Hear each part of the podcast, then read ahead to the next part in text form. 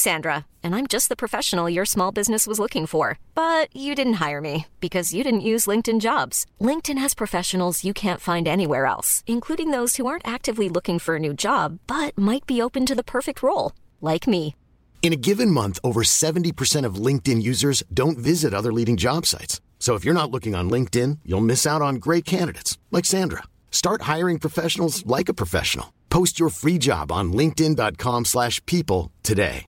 Imagine the softest sheets you've ever felt. Now imagine them getting even softer over time. That's what you'll feel with Bowl and Branch's organic cotton sheets. In a recent customer survey, 96% replied that Bowl and Branch sheets get softer with every wash. Start getting your best night's sleep in these sheets that get softer and softer for years to come. Try their sheets with a 30-night guarantee. Plus, get 15% off your first order at bowlandbranch.com. Code BUTTERY. Exclusions apply. See site for details. When you're ready to pop the question, the last thing you want to do is second guess the ring. At Bluenile.com, you can design a one of a kind ring with the ease and convenience of shopping online. Choose your diamond and setting. When you find the one, you'll get it delivered right to your door. Go to Bluenile.com and use promo code LISTEN to get $50 off your purchase of $500 or more. That's code LISTEN at Bluenile.com for $50 off your purchase. Bluenile.com code LISTEN.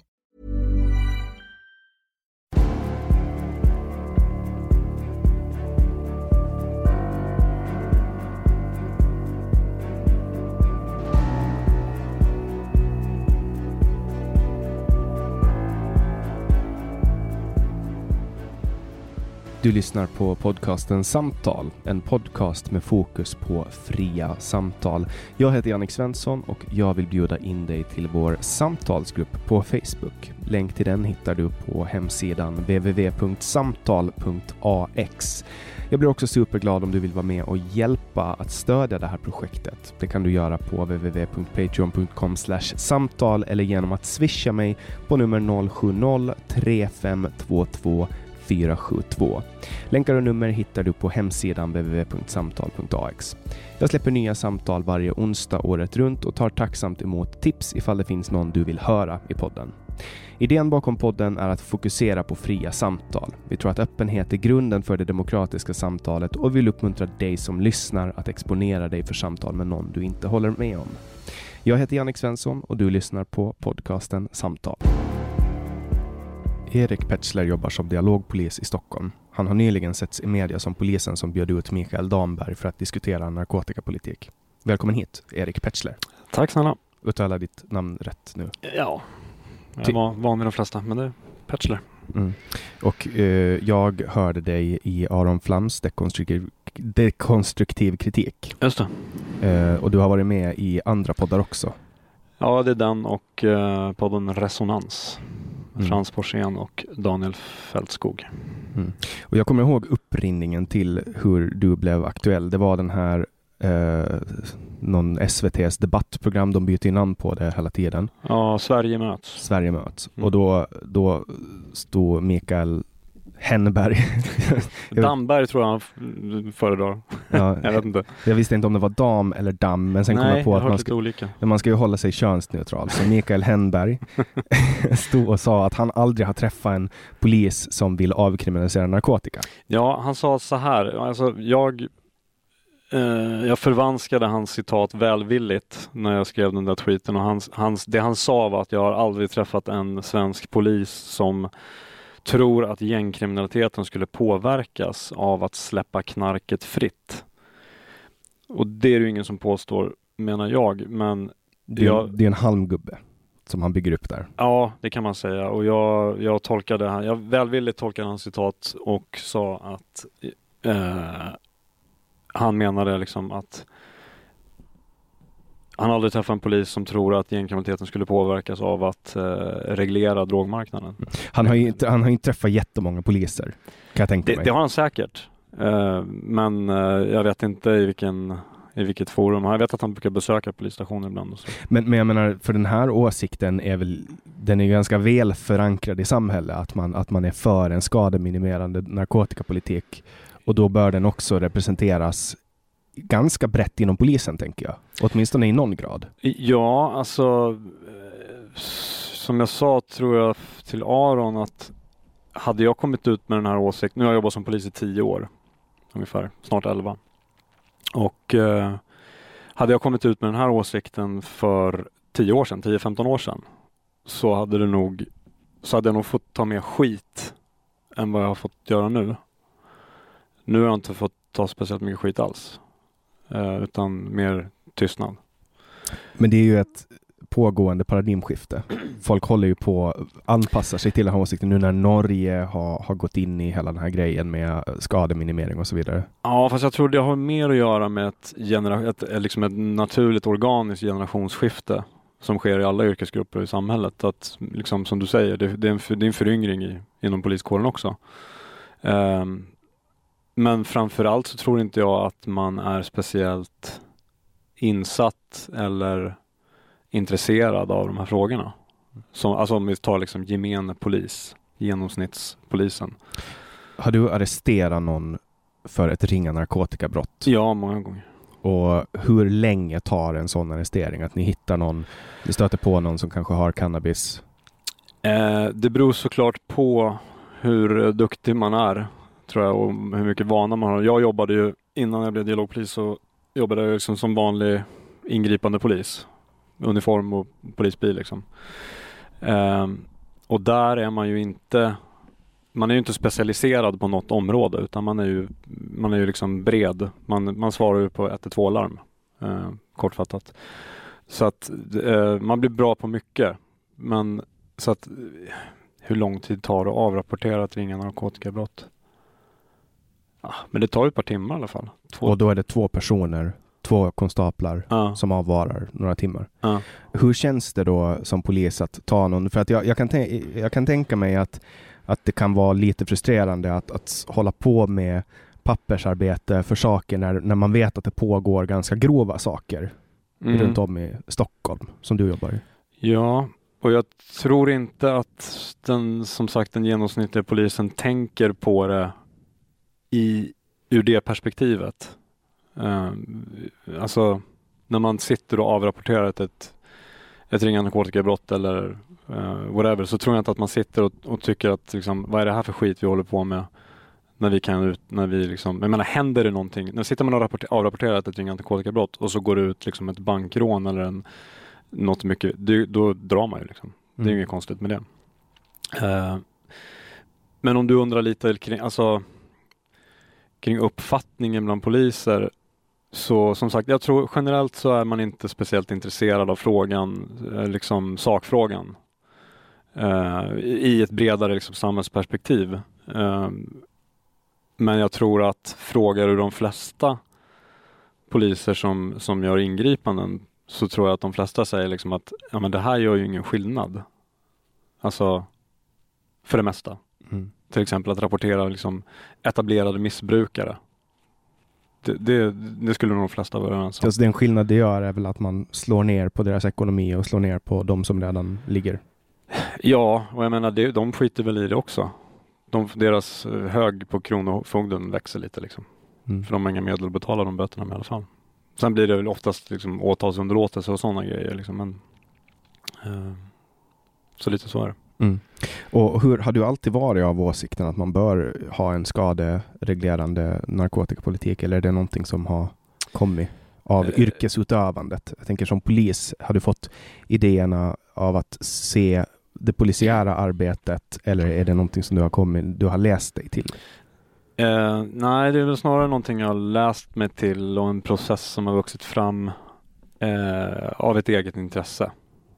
Ehm, och hur långt bak det intresset sträcker sig vet jag inte riktigt. Kommer inte ihåg. Men det är ju inget så här eh, jag har sett liksom narkotikans baksidor och det vi gör är helt lönlöst och så ändrar jag åsikt över natten. Så är det ju inte, utan det är ju något som har vuxit fram. Eh, innan, om man tänker på liksom när jag gick på polishögskolan och, och mina första år som polis, då, då tänkte jag inte så mycket på det liksom. Som de flesta inte gör då, gissar jag. Ehm, för att ni pratar ju en del om det i, i podden med Aron Och, och, för mig personligen så, så är det här, det var den första frågan jag började med när jag började med politik för 12 år sedan när jag var 15, 14-15. Mm. Uh, det var liksom narkotikafrågan. Men då var jag helt av åsikten att allt alltså att man ska fängsla dem. Bara man tänker tanken på mm -hmm. att mhm. ta någonting in i kroppen så ska man fängslas och kasta bort nyckeln. Liksom. Mm. Men sen har jag liksom ödmjukas med tiden eh, mm. och det var väl kanske runt 2013 eh, som jag började ändra bild.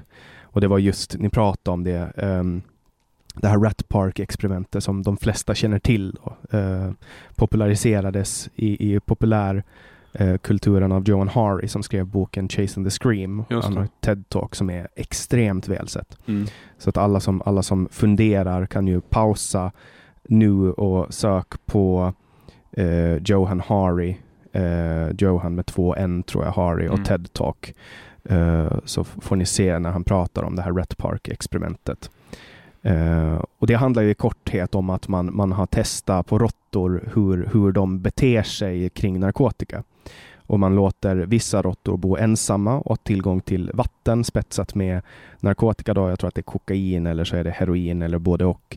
Och, och, och, och de har haft tillgång till, till droger och vanligt vatten. Och sen har det funnits, funnits råttor då som har, i, som har haft kompisar, polare med sig och mm. de har haft samma tillgång till droger. Och det man har visat att de råttorna som är ensamma och isolerade eh, dör i högre grad och de missbrukar i högre grad medan de som har ett vettigt liv eh, med, med, sociala kontakter och, och, färgade bollar och sånt som de kan leka med, de, de, de knarkar inte ihjäl sig helt enkelt om man ska använda Mikael Dambergs språk. Nej, Nej och det, uh, vi pratade om det också jag och men det kommer ju från kommer inte ihåg vem, vad forskaren heter som genomförde experimentet, men det är väl på 70-talet någon gång. Ja, det var efter Vietnamkriget. Exakt, det var ju liksom Vietnamveteraner. Som... Nej, det var före Vietnamkriget. Tror jag. jag. tror att det handlade om veteraner som kom hem och som, som där och då under sin tjänstgöring hade liksom traumatiserats såklart. Uh, av det de upplevde i Vietnamkriget. Och så fanns det ganska god tillgång på heroin. Mm. Det var väl också en taktik från, från Vietnam att skicka in heroin i. Så är det säkert. Uh, men men det man såg då, när, det var ju när de här soldaterna då kom hem till USA, att eh, för då hade man kunnat vänta sig med retoriken som förs i alla fall inom svensk narkotikapolitik så borde ju alla de där som testade heroin eller använde heroin under till och med en längre period i Vietnam, de borde ju fortsätta med det beteendet hemma i USA. Men det var ju det man inte såg. Mm. Utan man såg att, precis som du säger, de soldaterna som hade liksom en, en meningsfull tillvaro, en familj, vänner, jobb, eh, social anknytning till sitt samhälle. Liksom. Eh, de behövde inte ta heroin längre. Men sen fanns det såklart de som inte hade det att komma hem till och de, de gick det kanske sämre för. Men Mm. Och jag tror Men, att det var samma frekvens också bland råttorna och soldaterna. Alltså att det var mellan 10 och 15 procent ja. som, som, som blev högt. Ja, och som... det, det, finns det ju siffror på också liksom för de flesta droger. Eh, vilken procentdel av människor som använder droger. Nu vet jag inte hur lång tid det måste räknas in att man använder en drog. Men vil, vilka som, som, eller hur många som utvecklar då ett, liksom ett missbruk eller ett riskbruk eller ett beroende. Mm. Uh, och det är liksom sant för alla droger oavsett det är liksom alkohol eller uh, nikotin eller cannabis eller kokain eller sådär. Mm. Och det är en, det är en personlighetstyp i synnerhet. Eh, ja, kanske. Som, som utvecklar det. Alltså en, en människa som har anlag eller som, som friteras väldigt mycket i de här. Jag tror att alla kan bli alkoholister om man dricker tillräckligt mycket. Men sen finns det sådana som jag till exempel som var alkoholist från första gången jag drack. Mm. Eh, och, och liksom inte klarar av att hantera mina känslor utan alkohol. Eh, och, och sen finns det de som kanske efter att de är 50 och, och eller kanske till och med 60-70 och går i pension, att de börjar dricka jättemycket då. Mm. Att det finns alla olika sorter.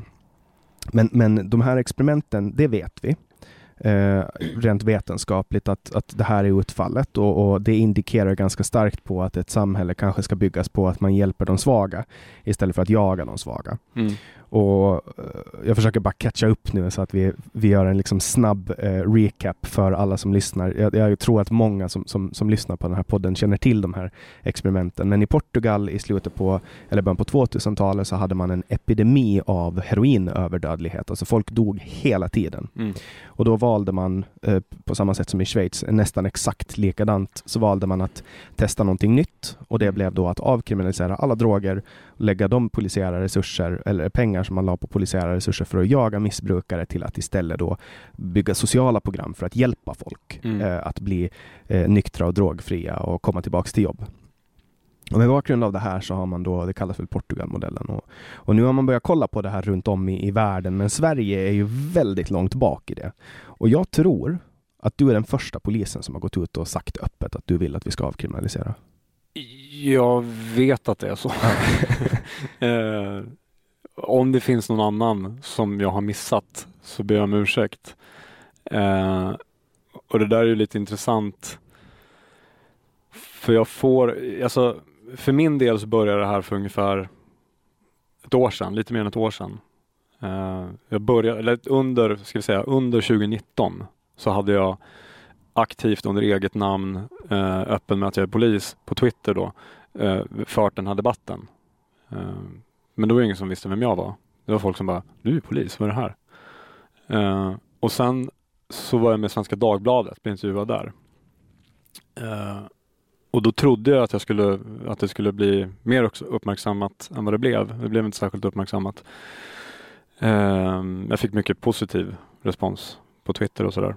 Eh, men sen dess, sen ett år tillbaka, lite mer än ett år, så, så händer det titt som tätt att jag får direktmeddelande på Twitter. Jag får till och med mail på liksom jobbmailen. Eh, då och då. Där det där är liksom så här, ja men jag är också polis, jag delar de här åsikterna, bra jobbat, bra sagt. Och i början så blev jag så här, ah, snällt, vad, vad, det där betyder jättemycket liksom. Men nu blir jag så här, säg något själv då. jag tror jag, jag, tror jag gav ganska, ber om ursäkt det där anonyma poliskontot som eh, skickade meddelande till mig häromveckan. Som uttryckte just det, för jag snäste tillbaka lite i Twitter. Jag skrev tack så mycket men eh, öppna käften själv ungefär. Mm. Ehm, Jag kände samma sak när jag gick ut med förra sommaren, tror jag det var, när jag som, som aktiv politiker då i ett liberalt parti på Åland gick ut med att jag ville lägga ner public service. Då var det jättemånga kollegor inom, eller inom politiken som hörde av sig till mig och sa så här, åh jag håller med. Eh, Mm. Men de vågar liksom inte säga det högt. Och då kunde jag vara lite samma, så här, men hallå, gå ut och säg det då. Ja, och samtidigt så tror jag att jag vet inte hur det är i det fallet med public service på Åland och sådär, om, den, om det är lika heligt som i Sverige. Det är exakt lika heligt, om Ja. inte värre. Och, men jag tror ju att anledningen till att fler poliser inte gör som jag, det tror jag har mindre att göra med att de skulle få massa skit eller att de skulle riskera någon karriär eller sådär. Jag tror inte de skulle göra det. Utan det har nog mer att göra med att man är lite bekväm med sitt liv. Liksom. Det är inte alla som pallar s- skriva debattartiklar till inrikesministern. Ehm, Ja, eller bara gå i kollisionskurs med folk. Ja, nej, och det försöker jag att undvika eh, hela tiden. Jag gillar inte att gå i kollisionskurs med folk. Jag gillar att sitta och samtala om de här sakerna. Jag gillar absolut inte att gräla på Twitter. Det är det mest meningslösa och tråkiga jag vet. Um, det, händer, det händer ju inte att man vänder någon på Twitter. Har Nej, det, nej, absolut inte. Och, och det, jag har väl förstått att det finns människor som, som ser det där som någon slags eh, tidsfördriv. Liksom. Och, och det jag gör är väl också tidsfördriv såklart. Jag sitter ju och, och är lika högt på sociala medier som, som det nästa. Men jag försöker ändå maskera och rättfärdiga för mig själv att jag håller på med någon slags opinionsarbete eller någonting. Så om man vill följa dig då? Vad, Eh, ja, jag har jag nu för användarnamn på Twitter. Petschler Erik. och då, hur stavar du? Eh, P-E-T-S-C-H L-E-R. Så gå gärna in och följ Erik där och om ni är intresserade av att se vad han skriver. Eh, vi ska hoppa tillbaks till narkotika Mm.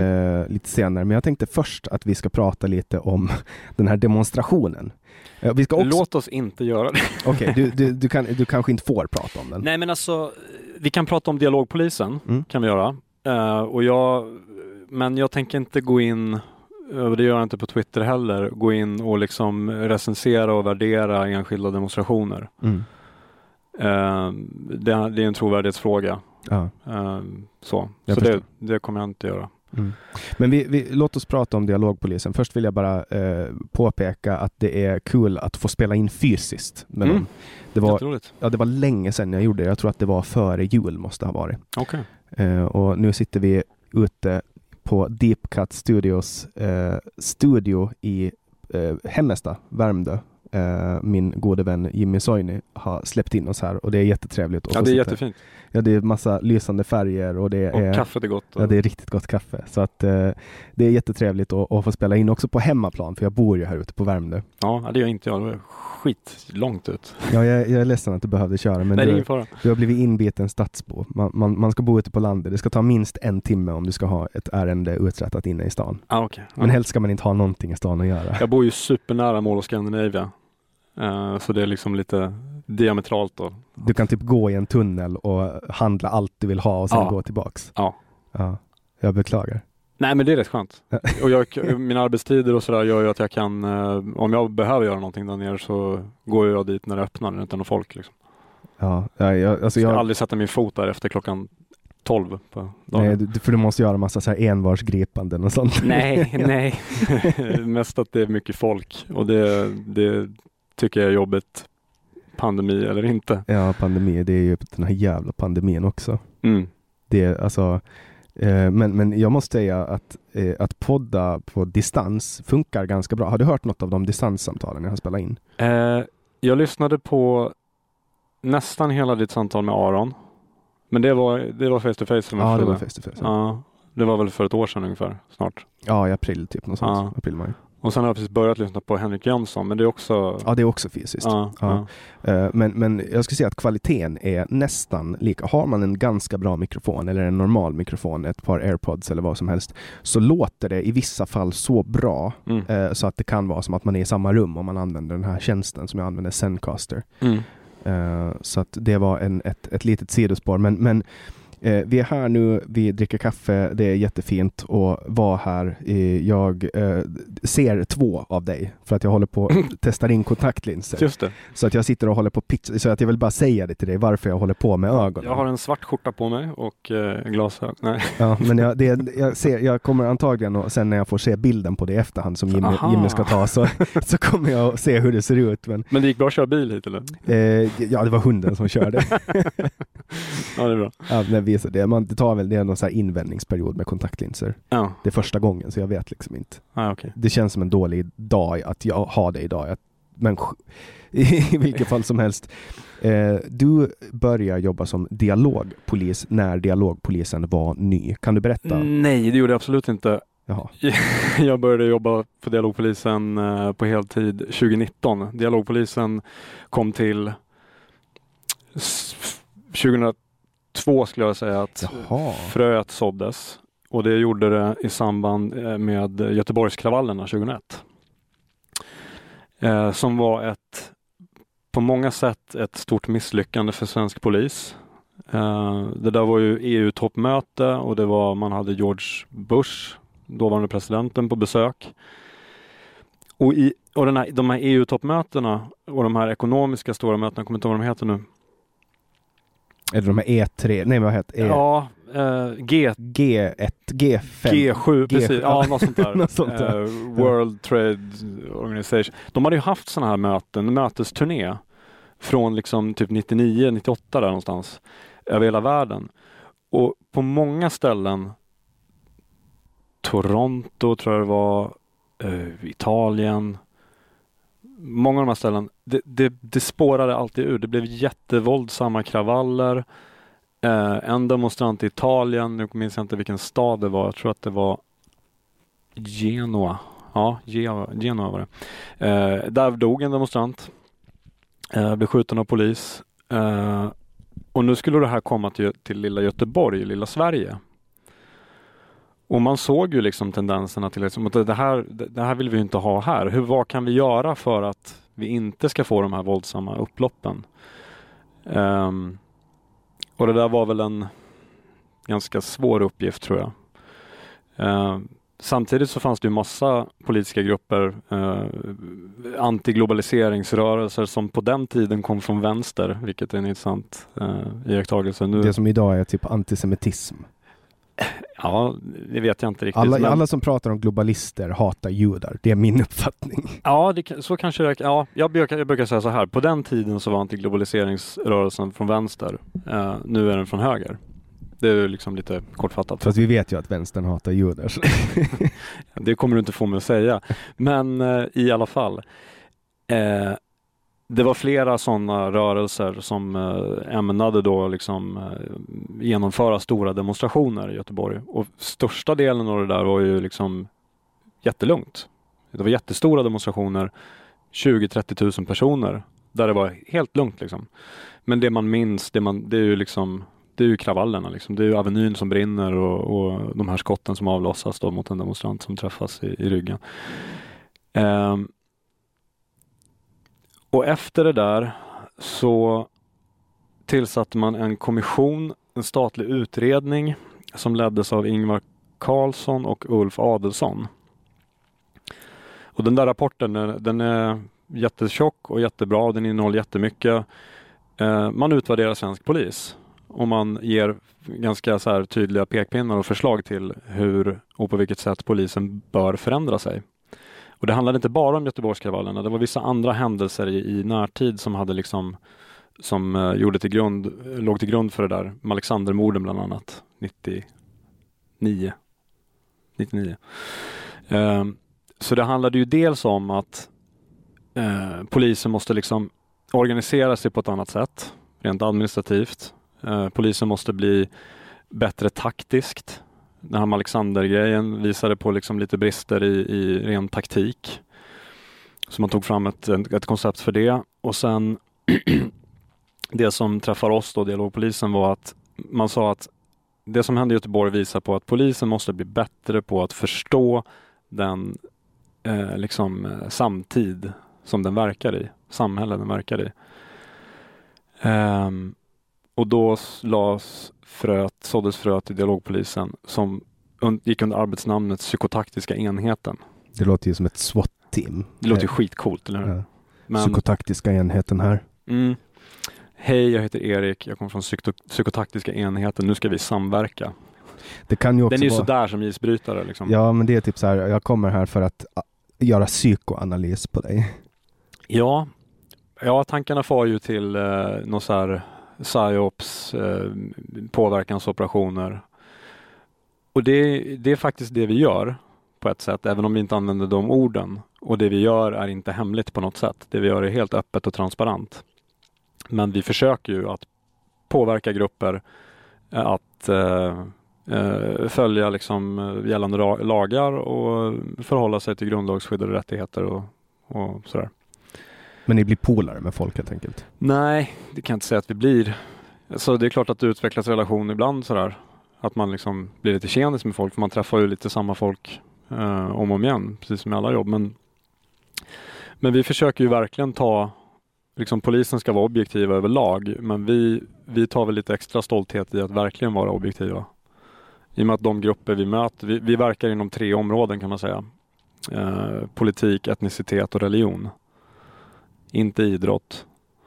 De tre sakerna man inte får prata med folk om. Ja. Det jobbar du med. ja, det som man inte tar upp på julbordet. Liksom. Ja, eller som man inte ska ta upp om man vill ha kompisar. ja, exakt. exakt. De tre områden och grupper som, som liksom vill väcka opinion. Så det är mycket Alltså förutom eh, då liksom den politiska skalan rent så här, om man ska vara lat och bara säga extremhögern, extremvänstern och allt däremellan eh, etniska grupper, etniska, det vi kallar importerade konflikter. Det finns liksom eh, massa olika stora diasporor i Sverige som, som eh, påverkas av läget i hemlandet och sådär. Så det jobbar vi med. Uh, och Dialogpolisen, det är ett namn som får mig att tänka att Alltså det första jag tänkte när jag hörde dialogpolis, det är någon som eh, förhandlar. Alltså det låter som någon förhandlar mm. polis, typ, som pratar med folk som håller gisslan. Ja, och det är ju, de har ju ett mycket tydligare namn, de poliserna, för de kallas ju förhandlare. Ja, okej, okay, förhandlare. det, de, de är ju förhandlarenheten. Och det, de är ju precis som du säger, de, de är mer Eh, mer händelsestyrda, mer minutoperativa, akuta, liksom uppkomna situationer med folk som alltid är i affekt eller mår psykiskt dåligt. Mm. Eh, de flesta vi träffar är ju helt, normal, helt vanliga människor. Liksom. Helt normala, mm. med lite avvikelser, att de tycker om etniska grupper, politik eller religion. Eh, nej men det är ju, det är ju människor ur de här grupperna eh, och det är ju helt vanliga människor. Det är liksom nio av tio är ju vanligt folk som väcker opinion. En, en vanlig grej är ju att liksom privatpersoner på internet tar initiativ till en demonstration till exempel för eller emot någonting som, eh, alltså en reaktion på någonting som händer i samhället. Liksom. Någon aktuell fråga. Som den här demonstrationen i lördags till exempel. Mm. Så ponera då, bara för att om, om, vi inte kan ta exempel ur verkliga livet, att nu vill jag jag, vill, eh, jag har en jättestor organisation bakom mig som vill förbjuda försäljning av korv. Eh, mm. och, och, och pratar på Facebook eh, på ett event om att jag, vi, vi ska vara liksom, ja, vi är 5000 personer som ska komma på den här och, och jag ska vara på demonstrationen? Ja, mm. på Medborgarplatsen och, och, och, vi planerar hur vi ska ta oss dit och vi tänker inte söka tillstånd och det är Corona. Hur, hur börjar ni jobba då inom dialogpolisen? Mm. Eh, nej men vi sö då söker vi kontakt med någon, någon ur den här gruppen som vi kan samverka med. Liksom. Och den samverkan ser i praktiken ut som att vi, ja, men vi tar kontakt med den personen på, något, på ett eller annat sätt. Förklarar våran roll. Eh, och mycket blir ju liksom en, som en liksom länk mellan då den här gruppen och övriga Polismyndigheten. Hur, hur ska ett sådant samtal vara då om jag är, om jag är ledare för korvuppropet och du ringer mig och tar kontakt med mig? eh, nej men alltså det är inga konstigheter. Det är liksom eh, om jag inte känner till din organisation eller sakfrågan som, som, som ni för tillfället driver så frågar jag om det. För då, sam, då samlar jag på mig kunskap om det. Liksom. Vi måste ju veta vad det är vi, vi, vi jobbar med.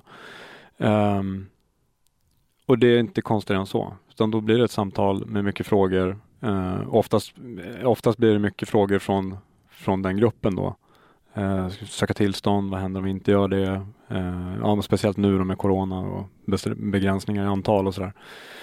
Um, så det blir mycket liksom i vissa fall samhällskunskap A mm. som man får ta med folk. Liksom. Men så om de då säger så här att ni säger att ja, men ni måste söka tillstånd och säger nej men det tänker vi inte göra. Mm. Ni går inte in och förhindrar demonstrationen då genom att arrestera Nej, att en, att en demonstration, om vi bara liksom kopplar bort pandemin nu, mm. uh, nu är det som vanligt, så att en demonstration som saknar tillstånd uh, är fortfarande grundlagsskyddad det man kan göra sig skyldig, om, eh, skyldig till som arrangör för en icke tillståndsgiven allmän sammankomst, det är brott mot ordningslagen.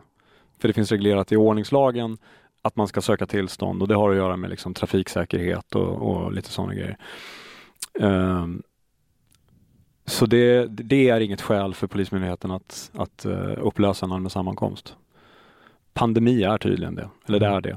Uh, och då har vi gjort det enligt ordningslagen fram tills Fram tills den nya pandemilagen och det gör vi med, med stöd av den. Så nu om, om jag ska ha då på lördag korvuppropet, mm. eh, då ska ni tekniskt sett då kunna arrestera mig på förhand? Ni visste att, att jag ska leda det här och att jag står förberedd? Nej, nej. Eh, utan eh, det brottet, du som arrangör, säg att du är arrangör till det här, så, så är ju du, du kan ju liksom eh, nästan skäligen misstänkas för att komma att anordna en icke tillståndsgiven allmän sammankomst, alltså ett brott mot ordningslagen, eh, som är ett bötesbrott. Men mig veterligen så är inte det straffbart på liksom förberedelseplanet som vissa andra brott är. Eh, så vi har liksom inga möjligheter att hindra dig eller att plocka bort dig innan. Eh, utan, och det vi gör nu det är ju när vi upplöser demonstrationen, allmänna sammankomsten med stöd av pandemilagen, så finns det en paragraf eh, som ger oss utrymme att avvisa och avlägsna personer, deltagare, eh, i syfte då att upplösa den. Eh, och de blir inte misstänkta för brott. De blir bara bortkörda. Så då går ni in och, och väljer ut tongivande personer som Ja, polistaktik tänker jag inte gå in på heller. Um, Kom igen lite. Nej, jag ska. Nej, eh, man plockar bort deltagare i syfte att liksom tunna ut deltagarantalet. Mm. Eh, och då antar jag att de, om de inte går därifrån så får de böter? Nej. Alltså om de kommer tillbaks? Nej, de får inte böter. Men då kan, de, då kan du bara komma tillbaks? Mm. Hej hej, här är mm. jag. Så är det. Mm. Jag läste på Twitter, jag antar att du inte får uttala dig om det här heller, men jag tyckte att det var så roligt att läsa att den här, den här gruppen som höll den här demonstrationen, någon kommunikation som jag läste att eftersom polisen avbryter en grundlagsstadgad demonstration så får man göra envarsgripande på poliser. Mm.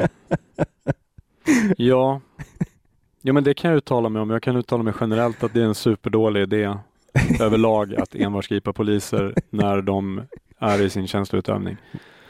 Det har nog aldrig gjorts tror jag och, och jag avråder starkt ifrån det. Ja, alltså, alltså jag vet inte, det, det, det, är en, det, är en så bisarr tanke så att det är, nästan, det är nästan som att det är taget ur Nile City. Mm.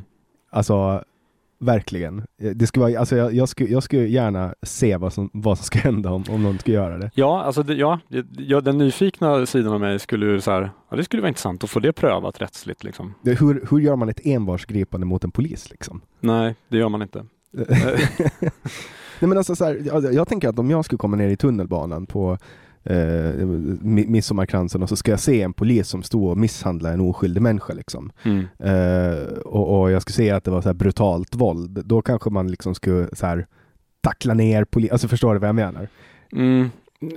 Dålig idé också tror jag. Ja, men om, det, om, de, om de uppenbarligen misshandlar, alltså om man, ja. om man på alla sätt vet att den här personen har tappat det. Det blir ju mycket hypoteser, eh, tror jag. Och jag tror att filma istället då. Ja.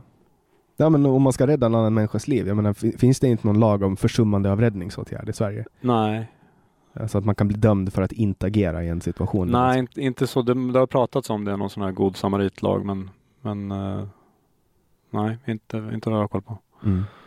Nej, det var ett bispår i alla fall. Jag, mm. jag, jag, jag, tycker att det, det, var en rolig tanke i alla fall att människor, att människor gör så pass fria juridiska tolkningar att de börjar prata ja. om att arrestera poliser på demonstrationer. Ja, verkligen. Ja. Men dialogpolisen, du jobbar nio år som vanlig polis. Mm, ungefär. Hur kom du in på dialogpolisen? Eh, det var något jag upptäckte på, när jag gick polishögskolan. Jag kommer inte ihåg vad jag läste det liksom. Att det fanns något som hette dialogpolisen och eh, vad de jobbade med. Och eh, ja, blev intresserad av det. Jag har alltid varit intresserad av liksom eh, politik och, och samhällsutveckling och följer det. Så jag hade liksom ögonen på det redan när jag gick på skolan och skrev mitt examensarbete. gjorde man på den tiden i alla fall. Jag vet inte hur det är nu. Man skriver säkert något examensarbete. Men det har ändrats mycket. och eh, Så det har legat där i bakhuvudet lite grann och sen tror jag det var 2018 som jag gick, man går en utbildning eh, som dialogpolis, en två veckors utbildning internt då och sen eh, verkade jag i som en vikariepool och togs in vid behov liksom. Eh, men då är man ju bara med så här, dagen D, liksom, demonstrationen. Då har man inte haft där. Jag menar när vi är ute på demonstrationer då har vi, då har vi nästan då har vi gjort det mesta av jobbet liksom. Ni researchar och pratar med folk? ja, exakt. Då har vi liksom um, samverkat och, och, researchat och sådär. Du hänger på Flashback på arbetstid alltså?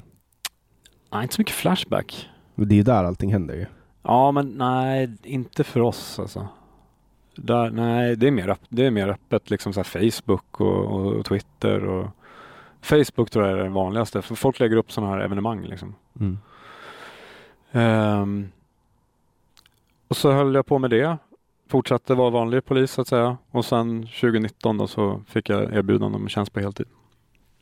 Eh, men, men man ska jobba ett antal år som vanlig, inom situationstecken vanlig polis före man kan?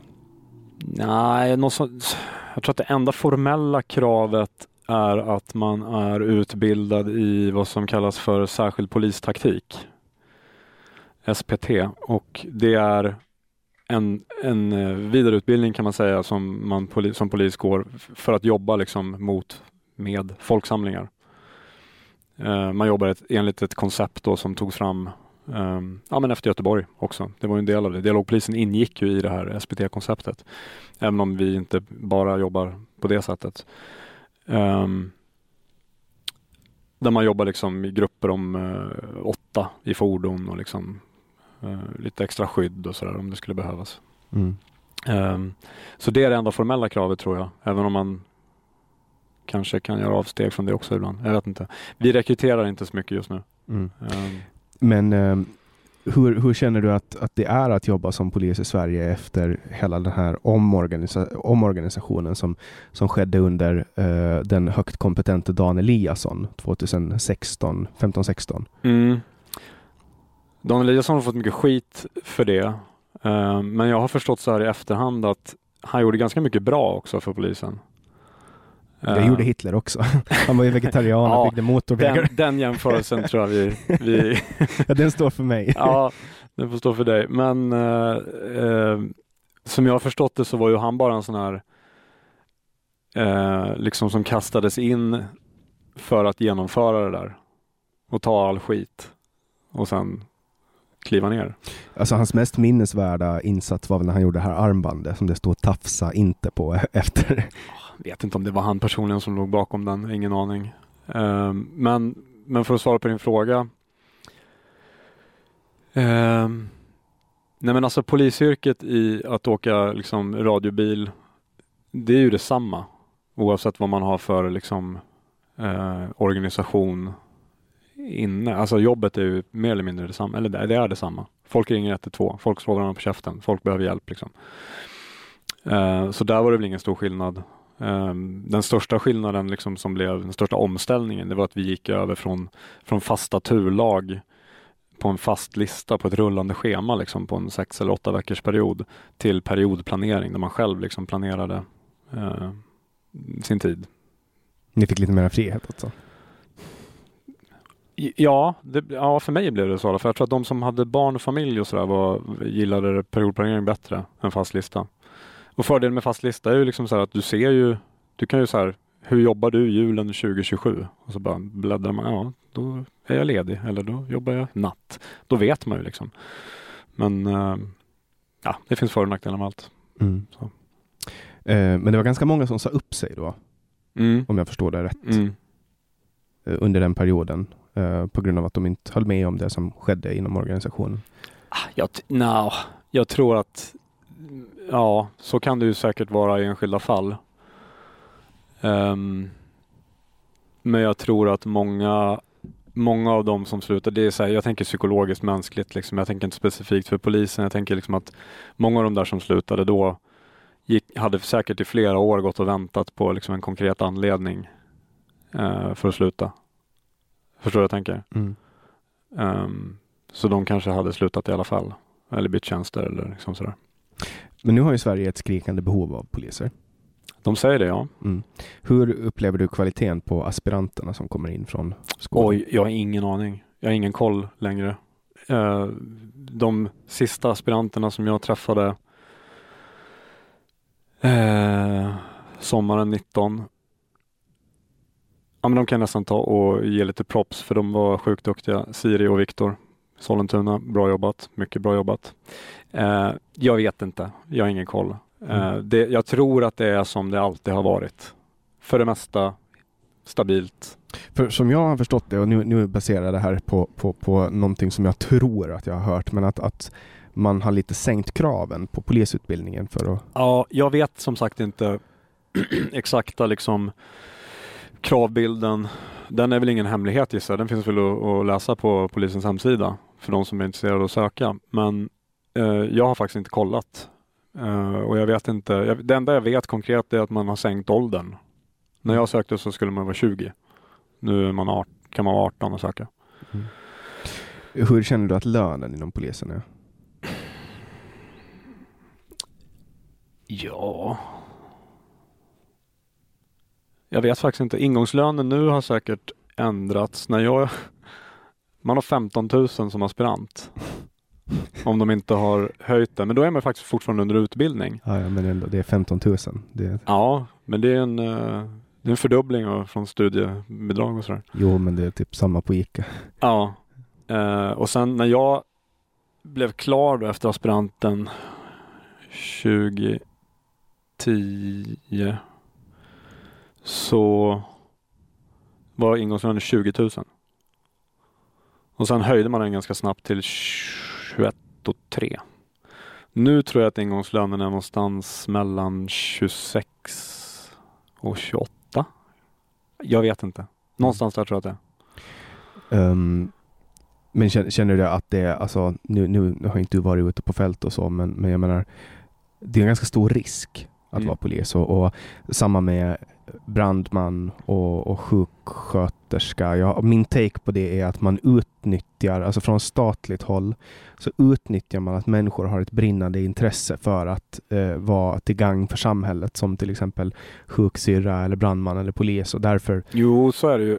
Så, ja, absolut. man utnyttjar folks plikttrogenhet. Liksom. Kanske, kanske inte medvetet, att man har en medveten utarbetad plan. Men, men det är ju liksom som ett, ett system som har vuxit fram och så det är ju säkert inte unikt för Sverige, tänker jag. Liksom att ehm, det, det kommer alltid finnas folk som, eh, ja men de här yrkena, polis, brandman, sjuksköterska, alla de där yrkena, det är ju liksom lite som du säger, man, man brinner för liksom för att göra någon slags förändring eller åtminstone hjälpa folk. Liksom. Mm. Ehm, I Finland har vi ju ett brandväsende som till stor del är uppbyggt på frivillighet.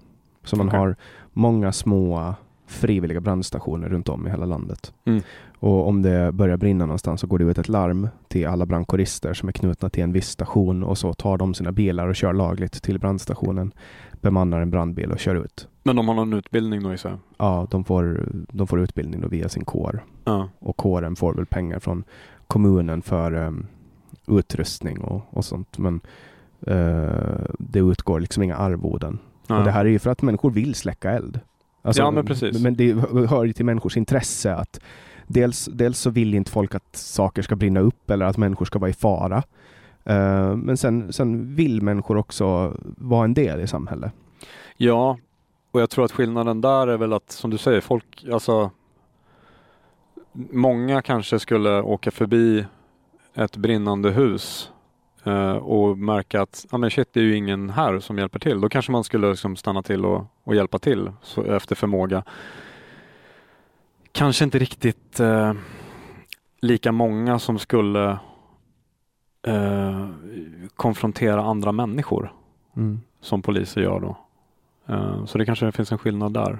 Ja, det är ganska farligt att konfrontera folk i Sverige i krogmiljö och, och så. Eh, alltså, på, på Åland, där jag kommer ifrån, så, så är det väl ganska, alltså där är det är ett ganska litet samhälle och så, men jag har en utbildning som ordningsvakt i Finland. Mm.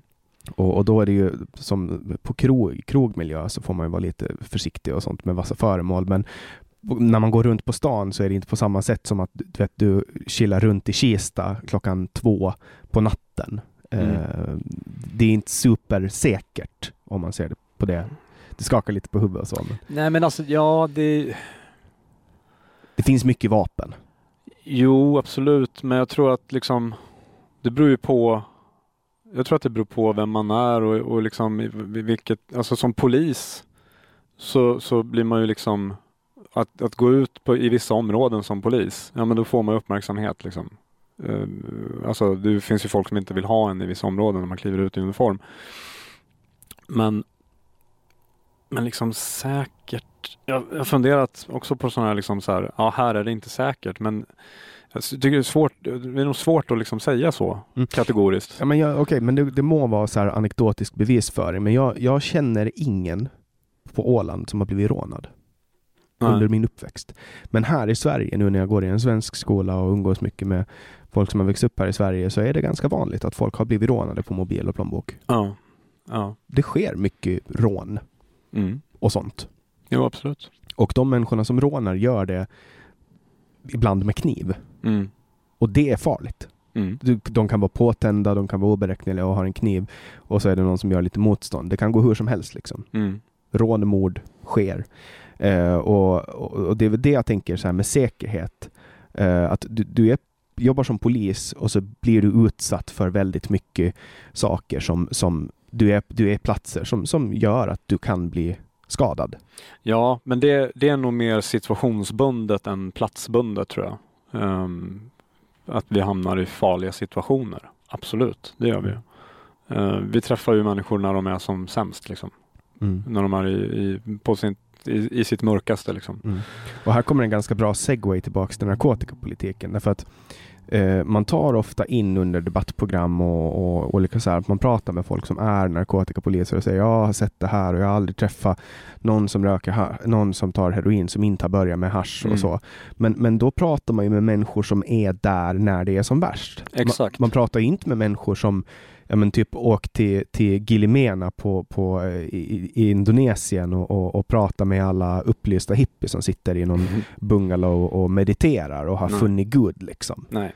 Nej men exakt och det är ju det narrativet som, som, som har fått råda liksom. Eh, och självklart lyssnar ju folk på polisen. Vi är ju en auktoritet. Och folk eh, inser ju det att, ja men nu, säger, nu står ju en polis i tv och säger att eh, liksom, ja vi hjälper, liksom, vi, ja, vi har gjort hjärt och lungräddning på en överdos här, vi ser det här mörka skuggsidan. Men allt det menar jag är ju tack vare kriminaliseringen. Mm. Det är ju baksidor av kriminaliseringen. De ska inte vara Eller där. baksidor, det är, det är ju följder av kriminaliseringen menar jag. Och, eh, och som du säger, det är ju bara en liten tårtbit av hela eh, liksom bilden. Eh, och det är klart att polisen ser skiten, självklart.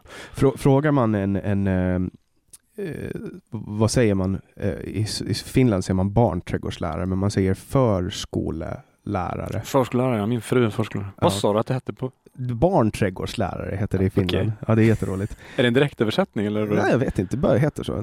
Barnträdgårdslärare? Ja, så heter det. Jättekonstigt. Vad är en barnträdgård? Jag vet inte. Det är en trädgård för barn. En lekpark eller någonting. Ja, roligt. Ja. Men så här, om du frågar en, en eh, barnträdgårdslärare, en sko- förskolelärare eh, om i Saltsjöbaden, hur, är, hur upplever du att, att dagens eh, ungdom är betingad eller barnen, hur, hur ser det ut? Då kommer, då kommer de antagligen säga att ja, det är jättefint, eh, folk bor nära och har det bra.